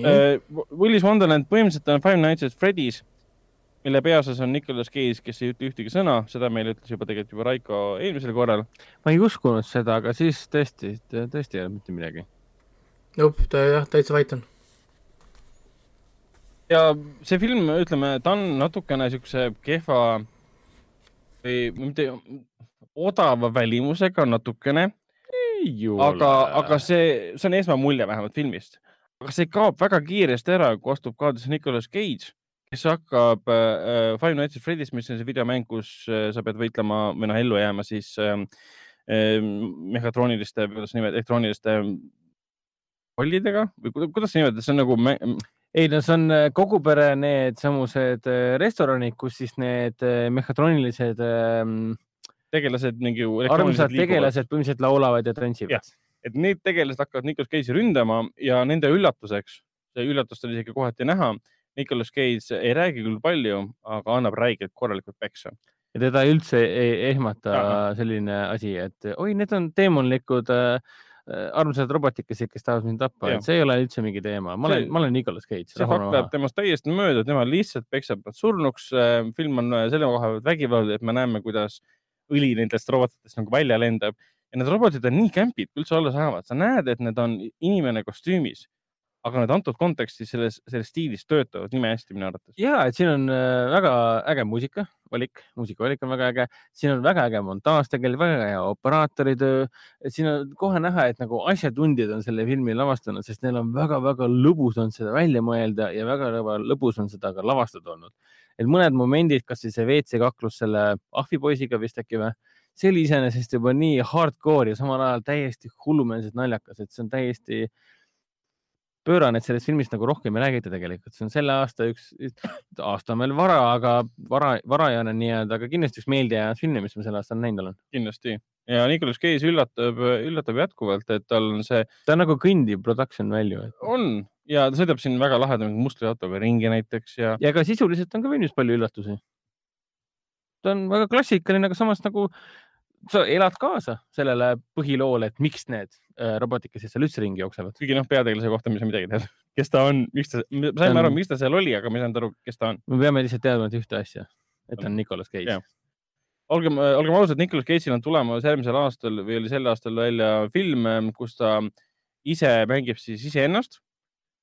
mees, kes, mees, kes siis palgatakse ühe mingi Mehhiko miljonäri sünnipäevale, kus ta ühel hetkel peab siis hakkama võitlema ja siis ähm, selle nimel, et päästa oma tütar umbes niimoodi, et ta mängib iseennast nii-öelda. no aga ei, tasu unustada, ta mängib ka Tiger, Tiger Kingi.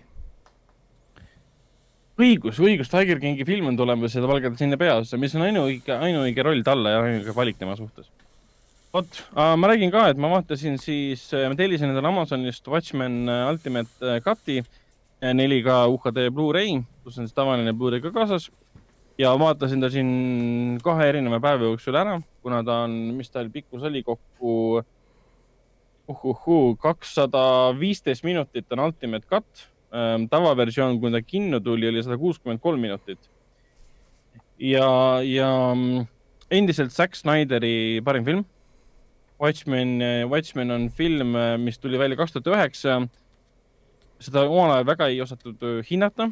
no mina ei tea, mina andsin kohe kümme, kümme talle juba kohe, kui ilmus mina ka, ma käisin kinos, ma olin täiesti siljas sellest filmist, ma vaatasin hiljem Director's Cut'i, ma olin sillas, ma vaatasin Ultimate Cut'i, ma olin sillas Ultimate Cut'i, suurim erinevus Director's Cut'ist on siis see, et sinna on pandud see Tale of uh, the Black Freighter animatsioon on nagu sisse lõigatud läbi kogu filmi. Mis lisab filmile tegelikult siis, mis seal oli, peaaegu et kolmkümmend minutit või, umbes niimoodi. ja, ja Watchmen, Watchmen on kõik see, mida Zack Snyder teeb hästi et kui kolmsada oli puhas stiil, ütleme visuaalsel kujul, kui äh, tegelikult noh, see the Dead oli ka Zack Snyderile päris hea film, aga kui need äh, Batman'i ja Superman'i filmid hakkasid nagu näitama seda, mis Zack Snyderil on nagu ülekülluses ja mis nagu hävitab tema lugusid, siis äh, Watchmeni puhul ta võtab ette loo, mis on juba varem olemas, Alan Moore'i oma jälle ähm,. ja, ja teeb sellest üks-ühele äh, justkui selle graafilise novelli pa- paneelide põhjal üks-ühele filmi, mida heideti talle kõvasti ette. et äh, ta kaotas ära justkui omaenda stiili, kuna ta võttis täpselt need koomiksi paneelid ette ja tegi sellest filmi. minu silmis see ainult näitas seda, kuivõrd võimekas režissöör tegelikult on, kui tal on väga tugev materjal ette anda kui ta hakkab oma peas mõtlema asju nagu Sucker Punchi puhul oli, siis lihtsalt sa vaatad, visuaalselt on äge, aga lugu on nonsense. ja Watchmeni puhul ma soovitan seda kõige pikemat versiooni vaadata kindlasti ühe ropsuga või noh, ei pea, mina, mina seda ka ei teinud. ja omal ajal, kui ta välja tuli, ta ei teeninud piisavalt palju raha, Warner Brothers oli üsna pettunud, okei okay,, Blu-ray teenis, DVD, kui hiljem välja tuli, teenis korralikult tagasi veel. ja see on kuidagi nagu unustatud film, et eh, Watchmeni koomiksid elavad edasi, Alan Moore'i soovide vastaselt muidugi Alan Moore vihkab kõiki asju, mis on tehtud tema lugude põhjal, V for Vendetta samamoodi. tegelikult Watchmeni põhjal on tehtud nüüd siis eelmisel aastal, eelmisel aastal jah, üle-eelmisel aastal tähendab, tuli välja siis ka seriaal HBO-s, mis on väga hea. Watchmeni koomiksi järel tehti näiteks Before Watchmen, mis on eellugu, seal tehti veel mitmeid järellugusid näiteks ja nendest pole nagu Warner Brothers huvi tundnud, et võiks nagu filme teha neist. pigem ma arvan, et HBO hakkab tegema seriaale. ja Watchmeni puhul lihtsalt, see on visuaalselt nii võimas. ta on nii head näitlejad sinna valinud, see on pikk film, aga see narratiiv on nii rikas. külma sõja ajal, siis kui USA ja Nõukogude Liit on kohe-kohe sõtta minemas ja kõik need kangelased, kes seal on, doktor Manhattan, doktor Manhattan on võimsam kui Superman. ta on, ta on suurem OP kui Superman, sest ta võib, võib. Supermani ühe liigutusega hävitada. neid ei saa võrreldagi jah, sest doktor Manhattan on Täpselt. jumal. Ta näeb, ta näeb äh, aega, kogu aega olevikku, minevikku, tulevikku samaaegselt. ta saab teleportida ju i- igasse universumi punkti samal ajal võib, samal ajal saab igasse universumi punkti teleportida ennast. ja ta võib sind silmapilgutusega hävitada, maailma kõige targem inimene ja tema tarkus ei seisne selles, et tal oleks väga suur haridus olnud, ta lihtsalt teab kõike. ta näeb ainult omaenda tulevikku, minevikku. Ja ma tõesti soovitan, kui seda filmi kuskilt ette võtate, siis, siis raudselt soovitan vaadata kui Zack Snyderi sellist meistriteost. ja see on jällegi, ma taaskord kordan üle, ehe näide sellest, et milleks on Snyder võimeline, kui tal on ees hea konkreetne materjal. olgem ausad, Batman'i ja Superman'i lood, need ei ole konkreetsed materjalid, need on lihtsalt erinevates allikatest kokku adapteeritud või, ja, ja siis ta on kuidagi üheks filmiks teinud selle. vot, ja 4K pilt oli umbes niimoodi, et uh, anna otsa, kui ilus. Ja siis ma vaatasin esimest korda, mida ma jah, mitmete ähm, sõprade hulgas, mille puhul ma sain siis selliseid, kuidas nüüd öelda, pettumuse noote Office Space'i elus esimest korda. Mike Jazzi äh, kultuslik must komöödia aastast üheksakümmend üheksa, Office Space, vanasti, kui ma olin noorem, miskipärast Office Space'i seostasin Office'i seriaaliga. ma arvasin, et see on nagu film siis tehti seriaal, hiljem sain teada, et oli hoopis Ricky Gervaisi seriaal ja siis tehti USA remake. Aga Office Space äh, lihtsalt äh,, ma oleksin seda filmi näinud mingi ähm, kaks tuhat viisteist või midagi, kus ma veel ühes kontoris äh, vennaga koos töötasime andmete sihestajana, mis oli selline lülita aju välja, tõmba nöörkaela töö. ja ma oleksin siis vaadanud, siis- siis ma oleksin kohe et siin et siin oleks, Office plott põhimõtteliselt seisneb äh, ma ma tahtsin öelda, siin tuleks praegu hea panna vahele audioreklaam, et kaelakiigud OÜ. täpselt, täpselt, aga, aga ja Office Space ise nagu räägibki siis, räägibki siis mehest, kes töötab ühes äh, andmesihestusfirmas, kuubikus nii-öelda paljudest, väga paljudest ükskkuubikutest. see on väga igav töö, see on väga üksluine töö, see on väga hall töö. Ta võtabki nagu ette sellise üheksakümnendate lõpu, kahe tuhande alguse mm, keskklassi inimese, kes töötab üheksast äh, viieni, kuueni äh, kontoris, läheb koju, magab ja alustab sama asja uuesti. Ja, ja see, see lugu nagu räägib tema vabanemisest, sest äh, ta ei ole oma eluga üldse rahul, ta ühel hetkel satub kogemata hüpnotisööri, hüpnotisöör, hüpnotisaator, vist jah, hüpnotisöör. Kumbki neist. äh, juurde, kes siis äh, paneb talle nagu hü, hü, hü, hüpnotiseerib teda siis. hüpnoosi paneb peale. aga juhtub see, et see, kes teda siis hüpnotiseerib, sureb samal ajal. ja see hüpnoos jääb talle peale ja ta avastab, et ta ei hooli mitte millestki, ta ei taha makse maksta, ta ei taha tööl käia, ta tahab ela, elada elu vabalt, ta tahab kutsuda välja neiu, kes talle meeldib, ta tahab mitte olla kontoris ja ta otsustab, et ta ei lähe mitte töölt ära, vaid ta lihtsalt ei ilmu kohale. ta lihtsalt ütleb, ta ütleb teistele, et teised mingi, aa, sa ei tule siis enam tööle, et sa nagu lähed töölt ära. ei, ei, ma ei tule kohale lihtsalt. Ja temaga ei juhtu mitte midagi. selles mõttes ta ei tule kohale ja ühel hetkel ta saab isegi palgakõrgenduse, et ma ei taha kõike ära spoilerdada, aga noh, ilmselt ena- enamus inimesi seda filmi näinud ka. ja saab isegi palgakõrgenduse. ja siis neil tekib muidugi, see ongi filmi põhi, põhilugu ongi see, et neil tekib sõpradega idee, et nad kasutavad ühte viirust, et siis firmalt äh, raha varastada. ja see vargus ei ole selline suurejooneline, vähemalt esialgu, nende esialgsete plaanide põhjal, kuna firmas käivad läbi mingi tuhanded arved päevas ja seal toimub ümardamine, noh, viiskümmend kuus senti ja nii edasi, tahavad selle, selle ühe sendi või selle pool, pool, ise ütlesid, veerand sellest sendist tahavad endale võtta. ja, aga see viirus teeb midagi asja, ühe asja valesti ja nad saavad liiga palju raha endale, siis nad kardavad, et lähevad kõik kinni selle eest, aga see kõik laheneb, sest kontor põleb maha. mis on selles mõttes legendaarne, et selles filmis ähm, teeb ühe väga ägeda rolli, mis selle näitleja nimi on, kes mängib seda Miltonit, Miltoni Steven tegelane., Steven Root, kes mängis ühte seda hullu valget meest selles äh, Get Out'is mm. -hmm. ta mängib meest nimega Milton. Milton on siis kontoritöötaja, kes äh, omaette pomiseb kogu aeg, helistab meie peategelase, keda mängib siis Ron Livingston. konstantselt räägib hästi pikalt nonsense juttu ja tema lemmikasi maailmas on äh, Stapler, noh, see on see Auguste. augustaja, ei ole Auguste. klammerdaja. punane Klammerdaja, punane klammerdaja. on tema lemmikasi maailmas. läbi kogu filmi me näeme ka, kuidas ta silitab seda ja räägib teistega juttu. ja ühel hetkel tema see klammerdaja võetakse ära ja ta on läbi kogu filmi öelnud, aga ma võin selle kohe põlema panna. ja seal on see, jagatakse kooki, ta võtab, võtab esimesena kooki võtta ja siis kõik ütlevad, anna, anna teistele kõigepealt. Omaette nagu räägib ja, aga eelmine kord ma ei saanud kooki, et ma andsin kõigile enne, ma võin selle kohe põlema panna. talt võeti see, võeti see klammer, klammerdaja ära ja siis, ma võin selle kohe põlema panna ja lõpuks ta viiakse viimase hetkeni üldse, film lõpebki selle, pannakse põlema. ja, ja põle- põlema minek on nagu täiesti nagu vabanemise, vabanemise eesmärgil loodud. peategelane saab sellest ettevõttest justkui sümboolsel kombel ja väga konkreetsel kombel lahti. Filmil oli ka alternatiivne lõpp, mis on väga masendav. jumal tänatud, seda filmi ei pandud. sest, sest see näitleja, kes mängib seal äh, Bill Lumbergi, Gary Cole, see on see tüüp, kes iga kord alustab lauset, et kui sa teeksid seda, siis see oleks väga tore. kõik tema laused on, kui sa teeksid midagi, siis see oleks väga tore. okei okay,, bye see on härra Meem. härra Meem, täpselt ja, kelle abil põhimõtteliselt Nine Gag sündis. ja, ja mina nautisin täielikult seda filmi, selle filmis on üks, üks Off- Office Space'is on üks selline tseen, kus äh, nad hävitavad ära ühe printeri.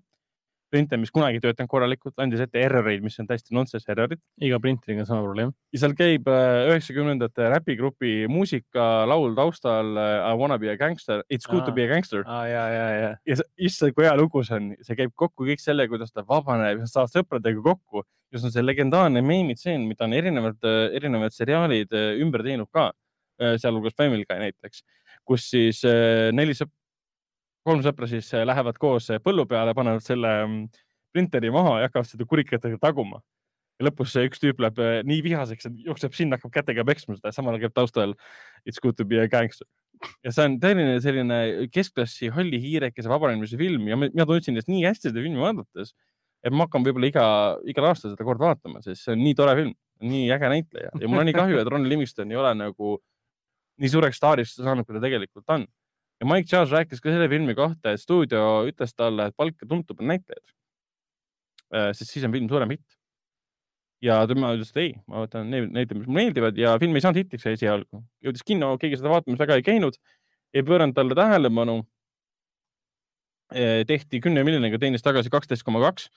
noh, isegi teinud eelarvet põhimõtteliselt tagasi, et noh, mis, mis sinna nagu reklaami alla ka veel läks. ja siis ta pärast mõtleski, et okei okay,, ma teen oma järgmise filmi ja siis võtan tuntumad näitlejad. Ja aga mida ta avastas, oli see, et ta muutus kultusfilmiks, kõik hakkasid seda filmi DVD-le ostma, purustas mingid DVD rekordid. kõik tuntud näitlejad helistasid talle, siin oli kuskil midagi öeldud ka, et ähm, sellele Mike Jones'ile helistas ähm,. ma kohe vaatan, kes siin olla võis äh,. kultusstaatus, nii. et mingid tuntud näitlejad helistasid Mike Jones'ile, tänasid selle filmi eest ja, ja ütlesid ka, et uhuhuu äh,. Ma praegu täpselt ei leia seda, aga jah, legendaarne film, kultusfilm, milleni mina jõudsin alles nüüd äh, kakskümmend, kakskümmend üks. kakskümmend üks aastat äh, siis hiljem põhimõtteliselt. väga äge.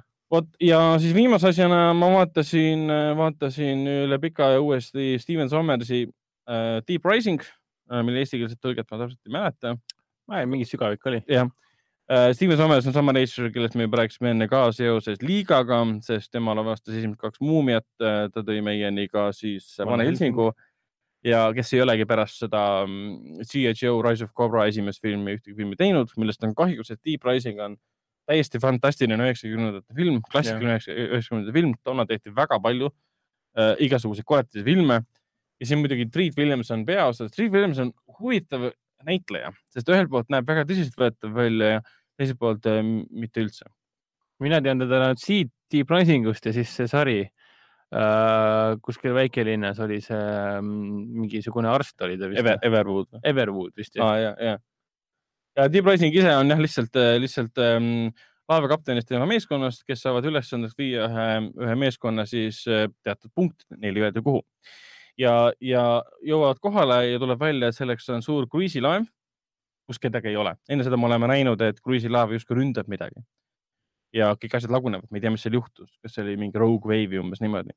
Nad jõuavad kohale ja siis nad avastavad, et see laev on nagu täiesti seestatud tohutu suure, jumal teab kui sügavalt ookeani põhjast pärit äh, kalmaarilaadse olendiga mingi krakenilaadne asi. põhimõtteliselt jah, kellel on üks suur nagu kese, hästi palju äh, neid kombitsaid, mis siis inimesi alla neelavad, tähendab joovad, neelavad inimesi alla ja joovad nende elumahlad välja. seal üks stseen on ka, kus nad lasevad selle kombitsa õhku, nende sõber kukub sealt välja ja ta on nagu poolzombi, käed ja nägu paistab läbi.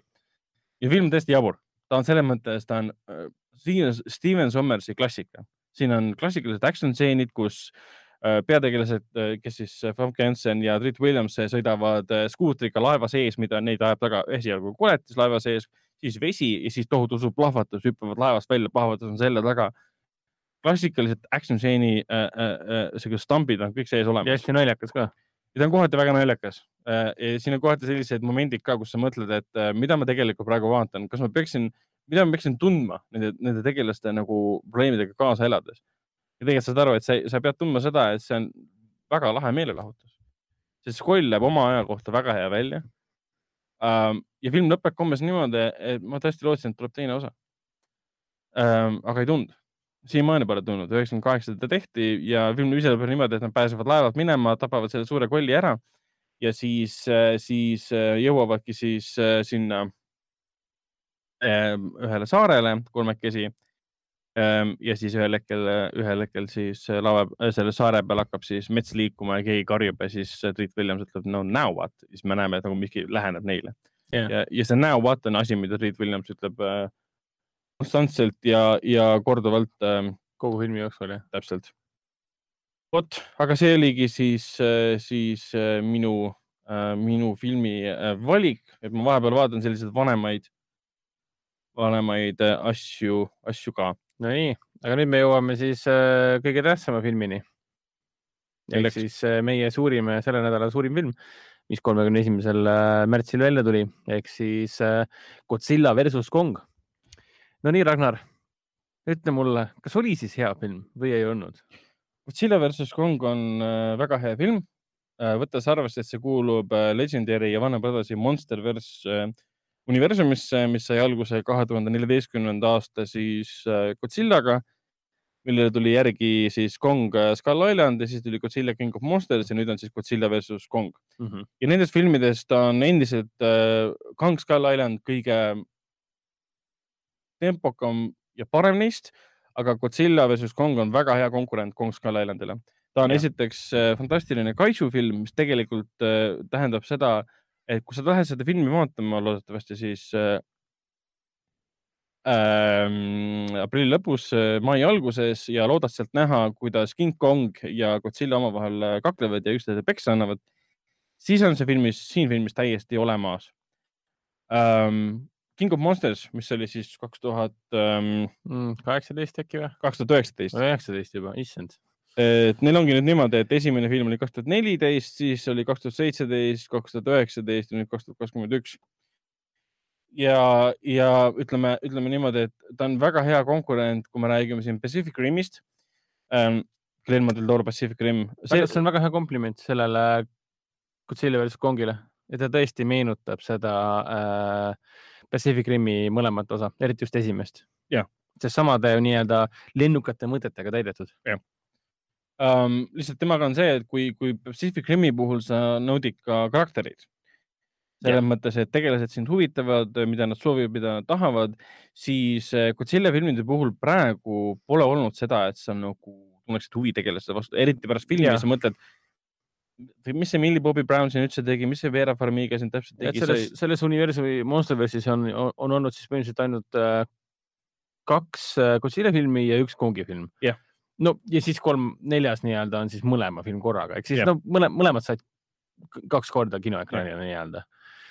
aga tõesti, ma olen nõus sellega, et Kong Skull Island oli parim ja nüüd, kui tuli välja Godzilla vs Kong, siis see on siis nii-öelda tõenäoliselt kõige parem.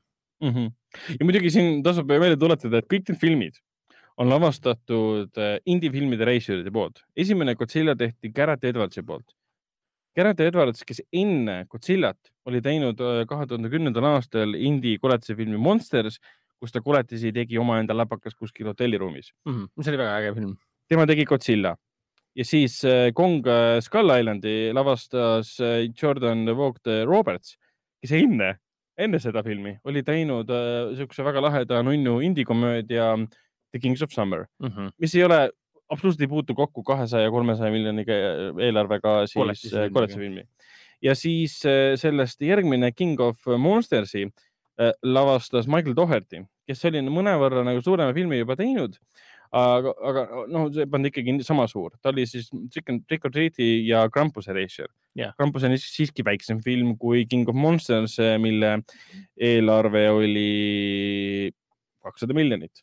Aga igal juhul väga noh, Legendary ja Warner Brothers tegid väga huvitavad äh, valikud ja, äh, sest režissööride koha pealt. Godzilla versus Kongiga samamoodi, reisijaks on palgatud äh, Adam Wingard, keda me teame indie õudukate poolt, poolest tema on nendest kõigist vist kõige rohkem filme teinud enne seda, kui äh, ta läks Godzilla peale. jah, et, et teenis, teenis tähelepanu filmidega A Horrible Way to Die, mis oli indie õudukas.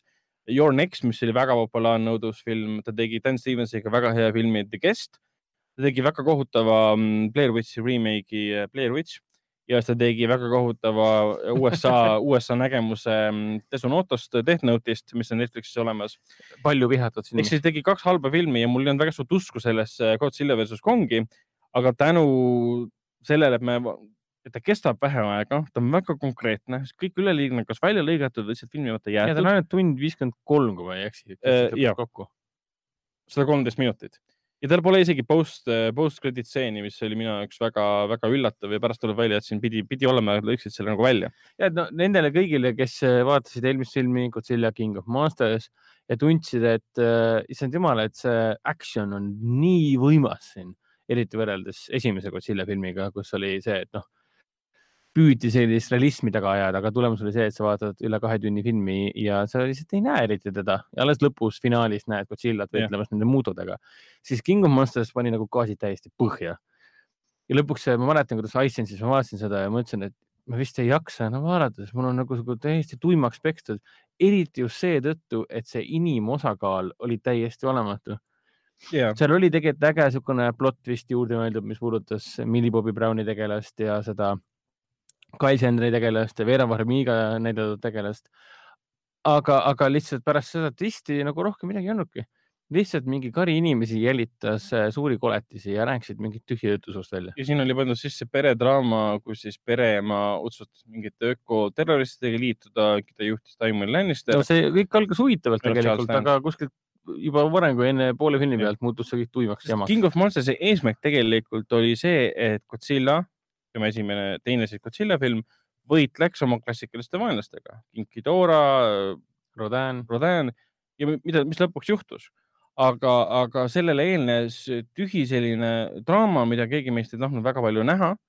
ja see oligi see huvitav, huvitav kommentaar, mida ilmselt võtsidki sellest esimesest Godzilla filmist, kus öeldi, et liiga palju draamat, vähe koletist, vähe Godzillat mm. -hmm. siis tuli King of Monsters, kus oli liiga palju draamat ja liiga palju koletis action'it jah, ja nüüd on Godzilla versus Kong, kus on kõike perfektses tasakaalus, siia sobiks isegi selline Thaanose meem, sest balanced. Godzilla vs Kongis on reaalselt inimtegelastele midagi teha antud. Jah. välja arvatud üks teine liin, mis väga, noh, ütleme niimoodi, et teenis küll oma eesmärki, aga sisuliselt see nagu oli pigem nõrk.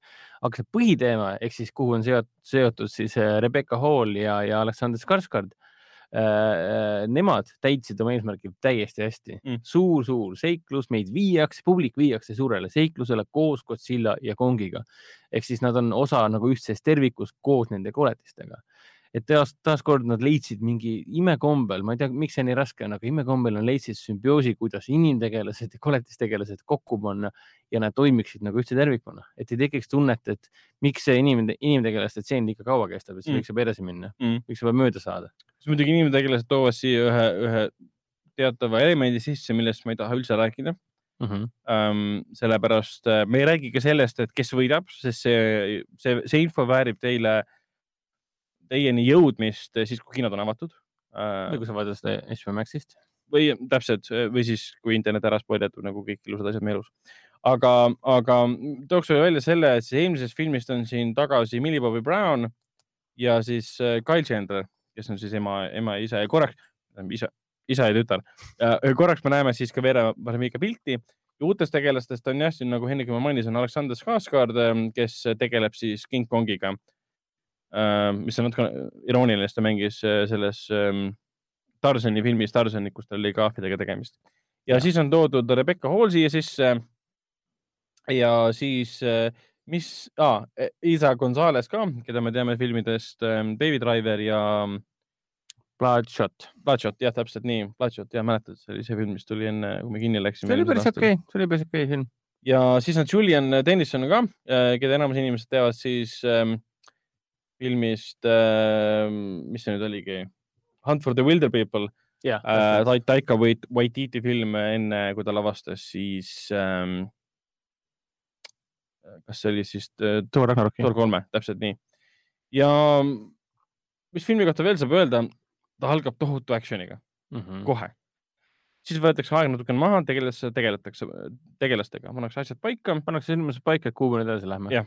ja film ei peida vaata eest mitte midagi. kui sul astub, astub Damien, Damien Bichir tuleb sinna, et ma olen suure kompanii juht, saad kohe aru, et see mees on kuri, tal on kurjad plaanid. Et ta ei ürita, ta üritab, see film üritab mängida, et on midagi enamat, kui ta tegelikult on. ta on koletise film.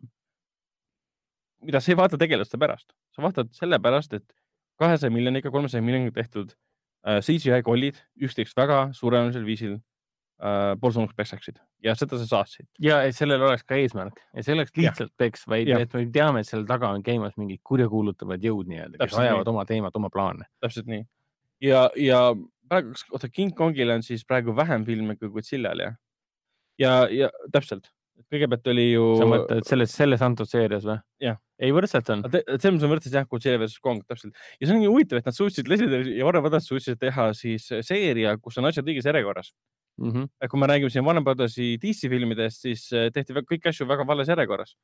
Jah. et pärast Man of Steel'i tuli kohe Batman versus Superman nagu hallo, miks? Tee Mhm. kõigepealt Batman'i film, siis tuli õigluse liiga Jah. ja mida iganes. aga, aga Monsterverse'i puhul, et ah, me teeme, mis on mõistlik, me teeme kahest koletisest eraldi filmid ja siis nad panevad omavahel kokku. ja me tutvustame Godzillat, siis me näitame Kang Skull Islandit, siis me teeme King of Monsters'i ja siis me teeme selle, kuidas nad kokku saavad. siin äh, Godzilla versus Kongi kohta on ka üks selline infotilk, et Adam Wingard praegu räägib, et äh, Peter Jackson olevat talle juba kümme aastat tagasi andnud loa või noh, õnnistuse teha tema King Kongi filmile järje. Aga see kunagi. Jacksoni King Kongile jah, Jacksoni King Kongile järje, aga see kunagi õnnestunud, see kunagi töösse ei läinud, kes pole Jacksoni King Kongi näinud, siis Hendrik on teda korduvalt siin meil erinevates saates kiitnud soojalt, armastan seda filmi. Äh, ja tundub, et nagu praegu maalitakse sellist narratiivi nii-öelda, et Wingard oli määratud justkui lavastama seda filmi. no miks mitte, ta on äge režissöör tegelikult. äh, jah, noh, kes ootab nagu õudusfilmide režissöörilt äh,, et, et siin filmis on ka õudusfilmi elemente, siis neid siin väga palju ei ole ähm,. ta on nagu jah, puhas möll selle koha pealt ähm,. okei okay,, siin tegelased surevad, inimesed surevad ähm,, aga see, ta ei ole üldse verine no.. iga kord, kui mingid suured monstrid lähevad linna peale möllama ja keegi vahelduseks mainib, et kuule, me e- hakkame evakueerima neid inimesi, siis mingi, nad juba möllavad, ma ei usu, et eriti jõuate sinna evakueerida, et see ei ole mingi Evangelion või, või Pacific Rimi maailm, kus kõik on nagu ilgelt harjunud sellega, kakskümmend aastat juba harjunud sellega. Evangelios oli see väga selgelt välja toodud, et maja vajusid meelega siis maa alla näiteks, kõik olid shield'id, sinna tulid külge kõik niisugused asjad. Mm -hmm. aga siin on see, et kümme minutit tagasi tüübid hakkasid kaklema, kuule, me evakueerime inimesi. ei, miljonid surid praegu. see oli jah natuke ebaselge siin, kuigi anti väikeste elementidega mõista yeah., et see on justkui maailm, Godzilla versus Kongi maailm on justkui harjunud juba sellega, et yeah. on, on olemas äh, Godzilla, kes on nüüd kuningas nii-öelda tegelikult aga kui sul Hongkongis elab, ma ei tea, mitu miljonit inimest, mitte kümme miljonit inimest inimesi. hakkab, hakkab suur lahing pihta, no olgem ausad, ma arvan, et miljon, kaks miljonit ikka sai surma. jah, aga vähemalt see kõik oli üllal eesmärgil nii-öelda võib ka nii öelda. ja ja, mida ja, ja seekord me saame ka Kongi kohta väga palju teada, väga palju uu- uut ja huvitavat teada, sest kes ootab nagu treilerite põhjal näha, et huvitav, kas selle Kongi äh, sisuliiniga minnakse ka kuskile, siis tõesti minnakse ja see on tegelikult väga põnev, kuhu need jõuavad lõpuks välja. et see, mida meile näidati ja lubati juba Kong Skull Islandis, et äh, miks see on selline raevukas äh, saar nii-öelda, miks ta seal üldse on nii-öelda, sellele kõigele, kõigele antakse nagu põhjendus tegelikult et, et, et kuidas ta sinna saarele sai, mida ka temaga praegu tehakse ja nii edasi. film algab tegelikult väga üllatavalt, kui me esimest korda näeme King Kongi, siis, siis me näeme teda täiesti teises elemendis.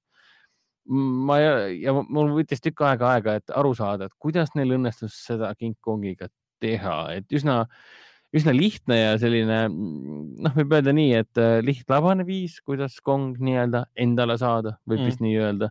aga samas, miks mitte, kui sul on tund viiskümmend kolm film, siis mida me siin ikka jaurame Mm. me teame, et ta on saarel, meil on vaja ta kätte saada.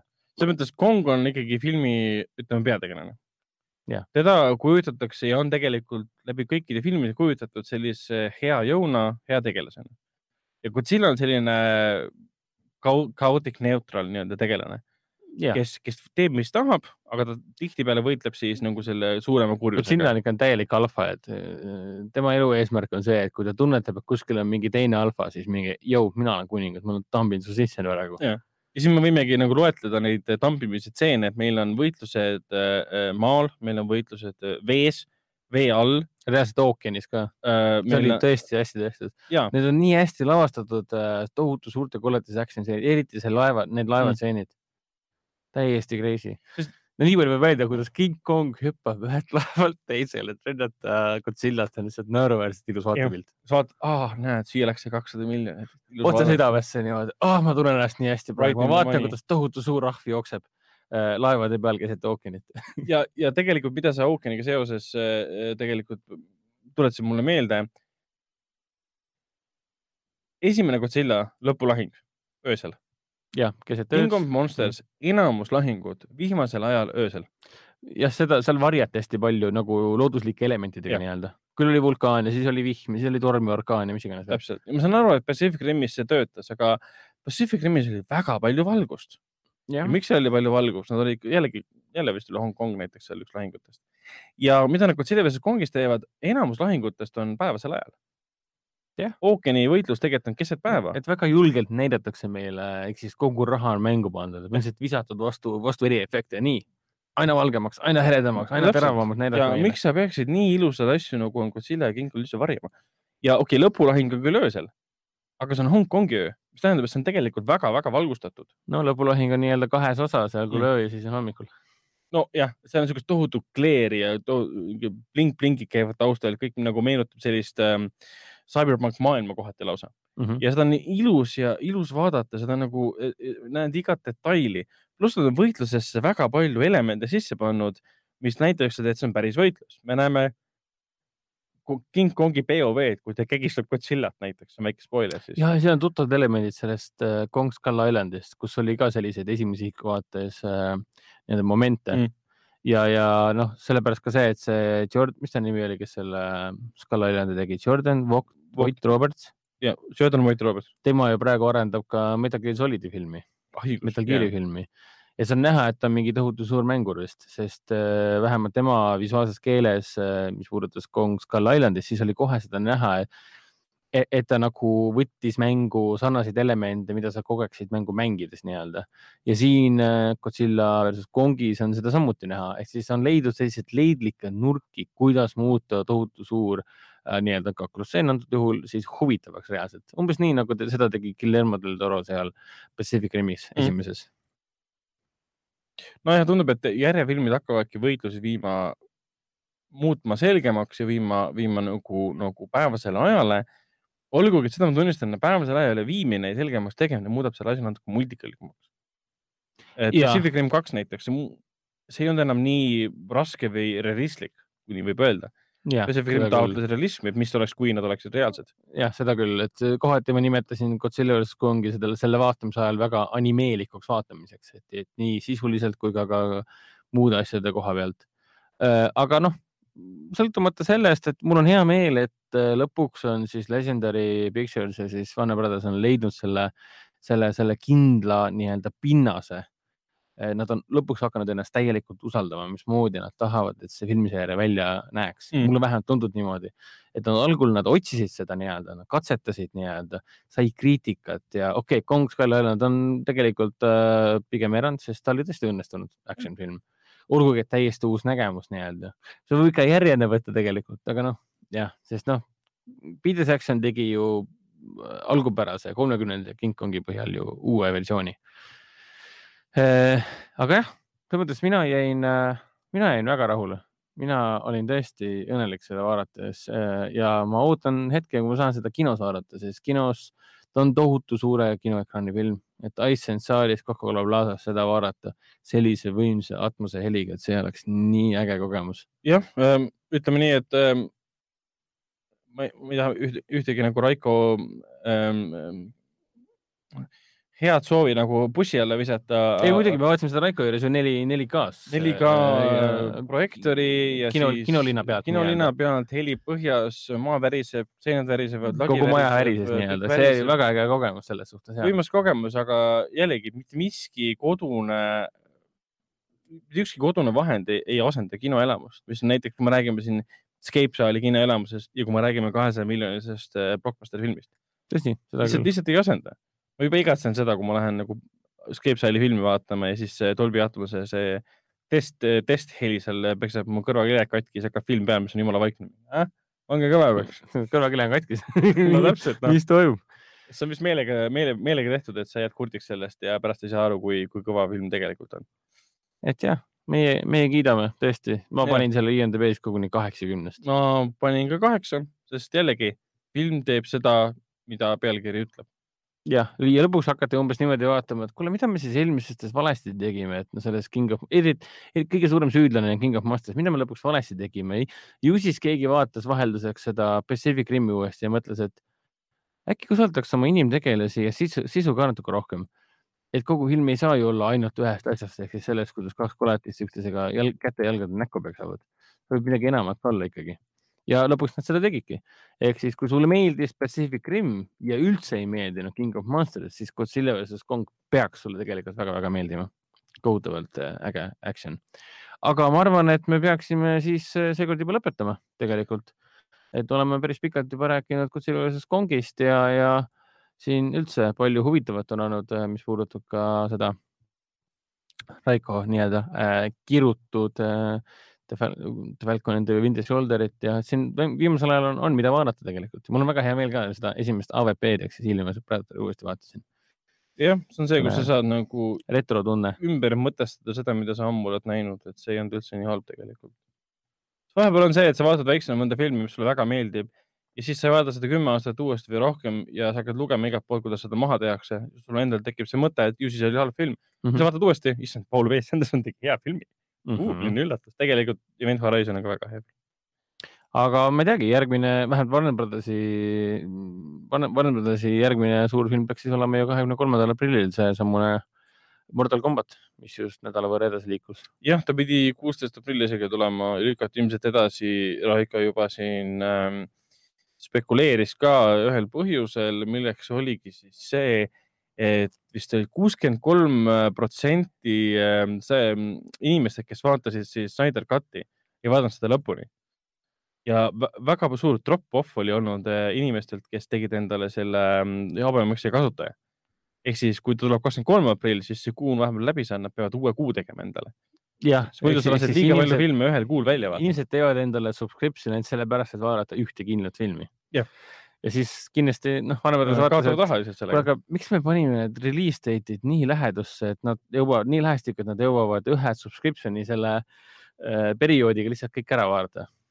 nii et äh, maksku, tehku, olgu õnnelikud. aga Raiko, mis, mis, mis, millised olid sinu muljed Godzilla versus Kongist? Raiko, Raiko kahjuks ei saa meiega, meiega enam liituda selles suhtes, aga Raikole ka väga meeldis. Kuna Jaa, Raiko ei saa midagi rääkida, siis me võime rääkida sellest, et Raikole väga film meeldis. et Raiko on, Raiko on selles mõttes täiesti nõus sellega, mis me juba rääkisime. film teeb kõike väga hästi, mis puudutab koletiste võitlust. näitab võimalikult vähe tegelasi, kes, keda ei olnud tegelikult nii palju vaja näidata ja keskendub sellele, mis on oluline, milleks on kahesaja miljoniga tehtud äh, koletiste omavaheline võitlus. ja, ja seda peab nautima võimalikult suurelt ekraanilt. antud juhul me nautisime seda väiksemat Raiko, Raiko kino. Raiko kinos jah, Raiko Keila kinos. Homme avatakse uksed. või noh, tegelikult mitte. okei kuule, aga siis me võime ka ära lõpetada. ja järgmine kord äh, me ei saa rääkida veel Mortal Combatist, aga Mortal Combatist me kindlasti räägime. võib-olla peaks vahepeal mitu Mortal Combatit ära vaatama, need kaks filmi. õigus ja, ja need fännifilmid ka, mida see üks tüüp tegi, kes pidi ka midagi lavastama ja siis kukkus läbi. Jah. ja, ja mm. äkki võtaks ka ette ja vaataks neid Mortal Combati filme. jah, täpselt. vaataks kõik Godzilla filmid ära. Mingi sada viiskümmend. no see, mis see Mortal Combatis see üks lause oli, kohe lõpetame ära, aga see üks lause oli Mortal Combat teises osas, et uh, mother, you are alive ja siis ema vaatab talle otsa mingi yes, but too bad that you are going to die. see oli Mortal Combat kahes või? see oli Mortal Combat kahes jah. mis see oli, Queen of the Damned'is või midagi? no see oli ka siit silma, aga jaa, et see on üks legendaarsemaid uh, the worst lines in cinema history. Õnneks seda ei kirjutatud Paul V selles. ei, pool on tore. aga olgu, loeme saate saateks ja siis äh, kuuleme ja näeme juba järgmisel korral. tšau. teeme nii, tšau.